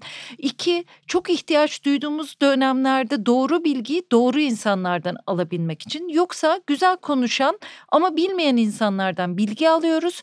Bu da çok hüzünlü oluyor. Yani onun için sizin gibi sayısal alanlarda çalışanlar sizin gibi akademisyen olurlarsa biraz öğretmeye de yatkın oldukları için onu sözel olarak ifade edebiliyorlar. Ben de herkese bunu tavsiye ediyorum. Fatih Bey ile ikimizin de hissi diye düşünüyorum. Başınız sağ olsun diyorum binlerce insana çok çok çok üzüldüm ben. Dediğim gibi çok kızdım da ama Fatih Bey ile olan yayınıma yansıtmamaya çalışıyorum o kızgınlığımı, siyasetle ilgili görüşümü. Umarım da böyle yapmışımdır. Başımız sağ olsun hepimiz için artık bilime, tekniğe, kanuna, kurala, ahlaka, vicdana sarılmamız gerekiyor diye düşünüyorum. Böyle de bitirilir mi bilmiyorum ama teşekkür ediyorum tekrar Fatih Bey. Davet ettiğiniz için ben teşekkür ederim. Herkese geçmiş olsun. lütfen konunun uzmanlarına danışarak Lütfen. doğru bilgiye ulaşmaya çalışın. Doğru bilgiye ulaşmaya çalışmak çabaların en önemlilerinden bir tanesidir. Evet, teşekkürler.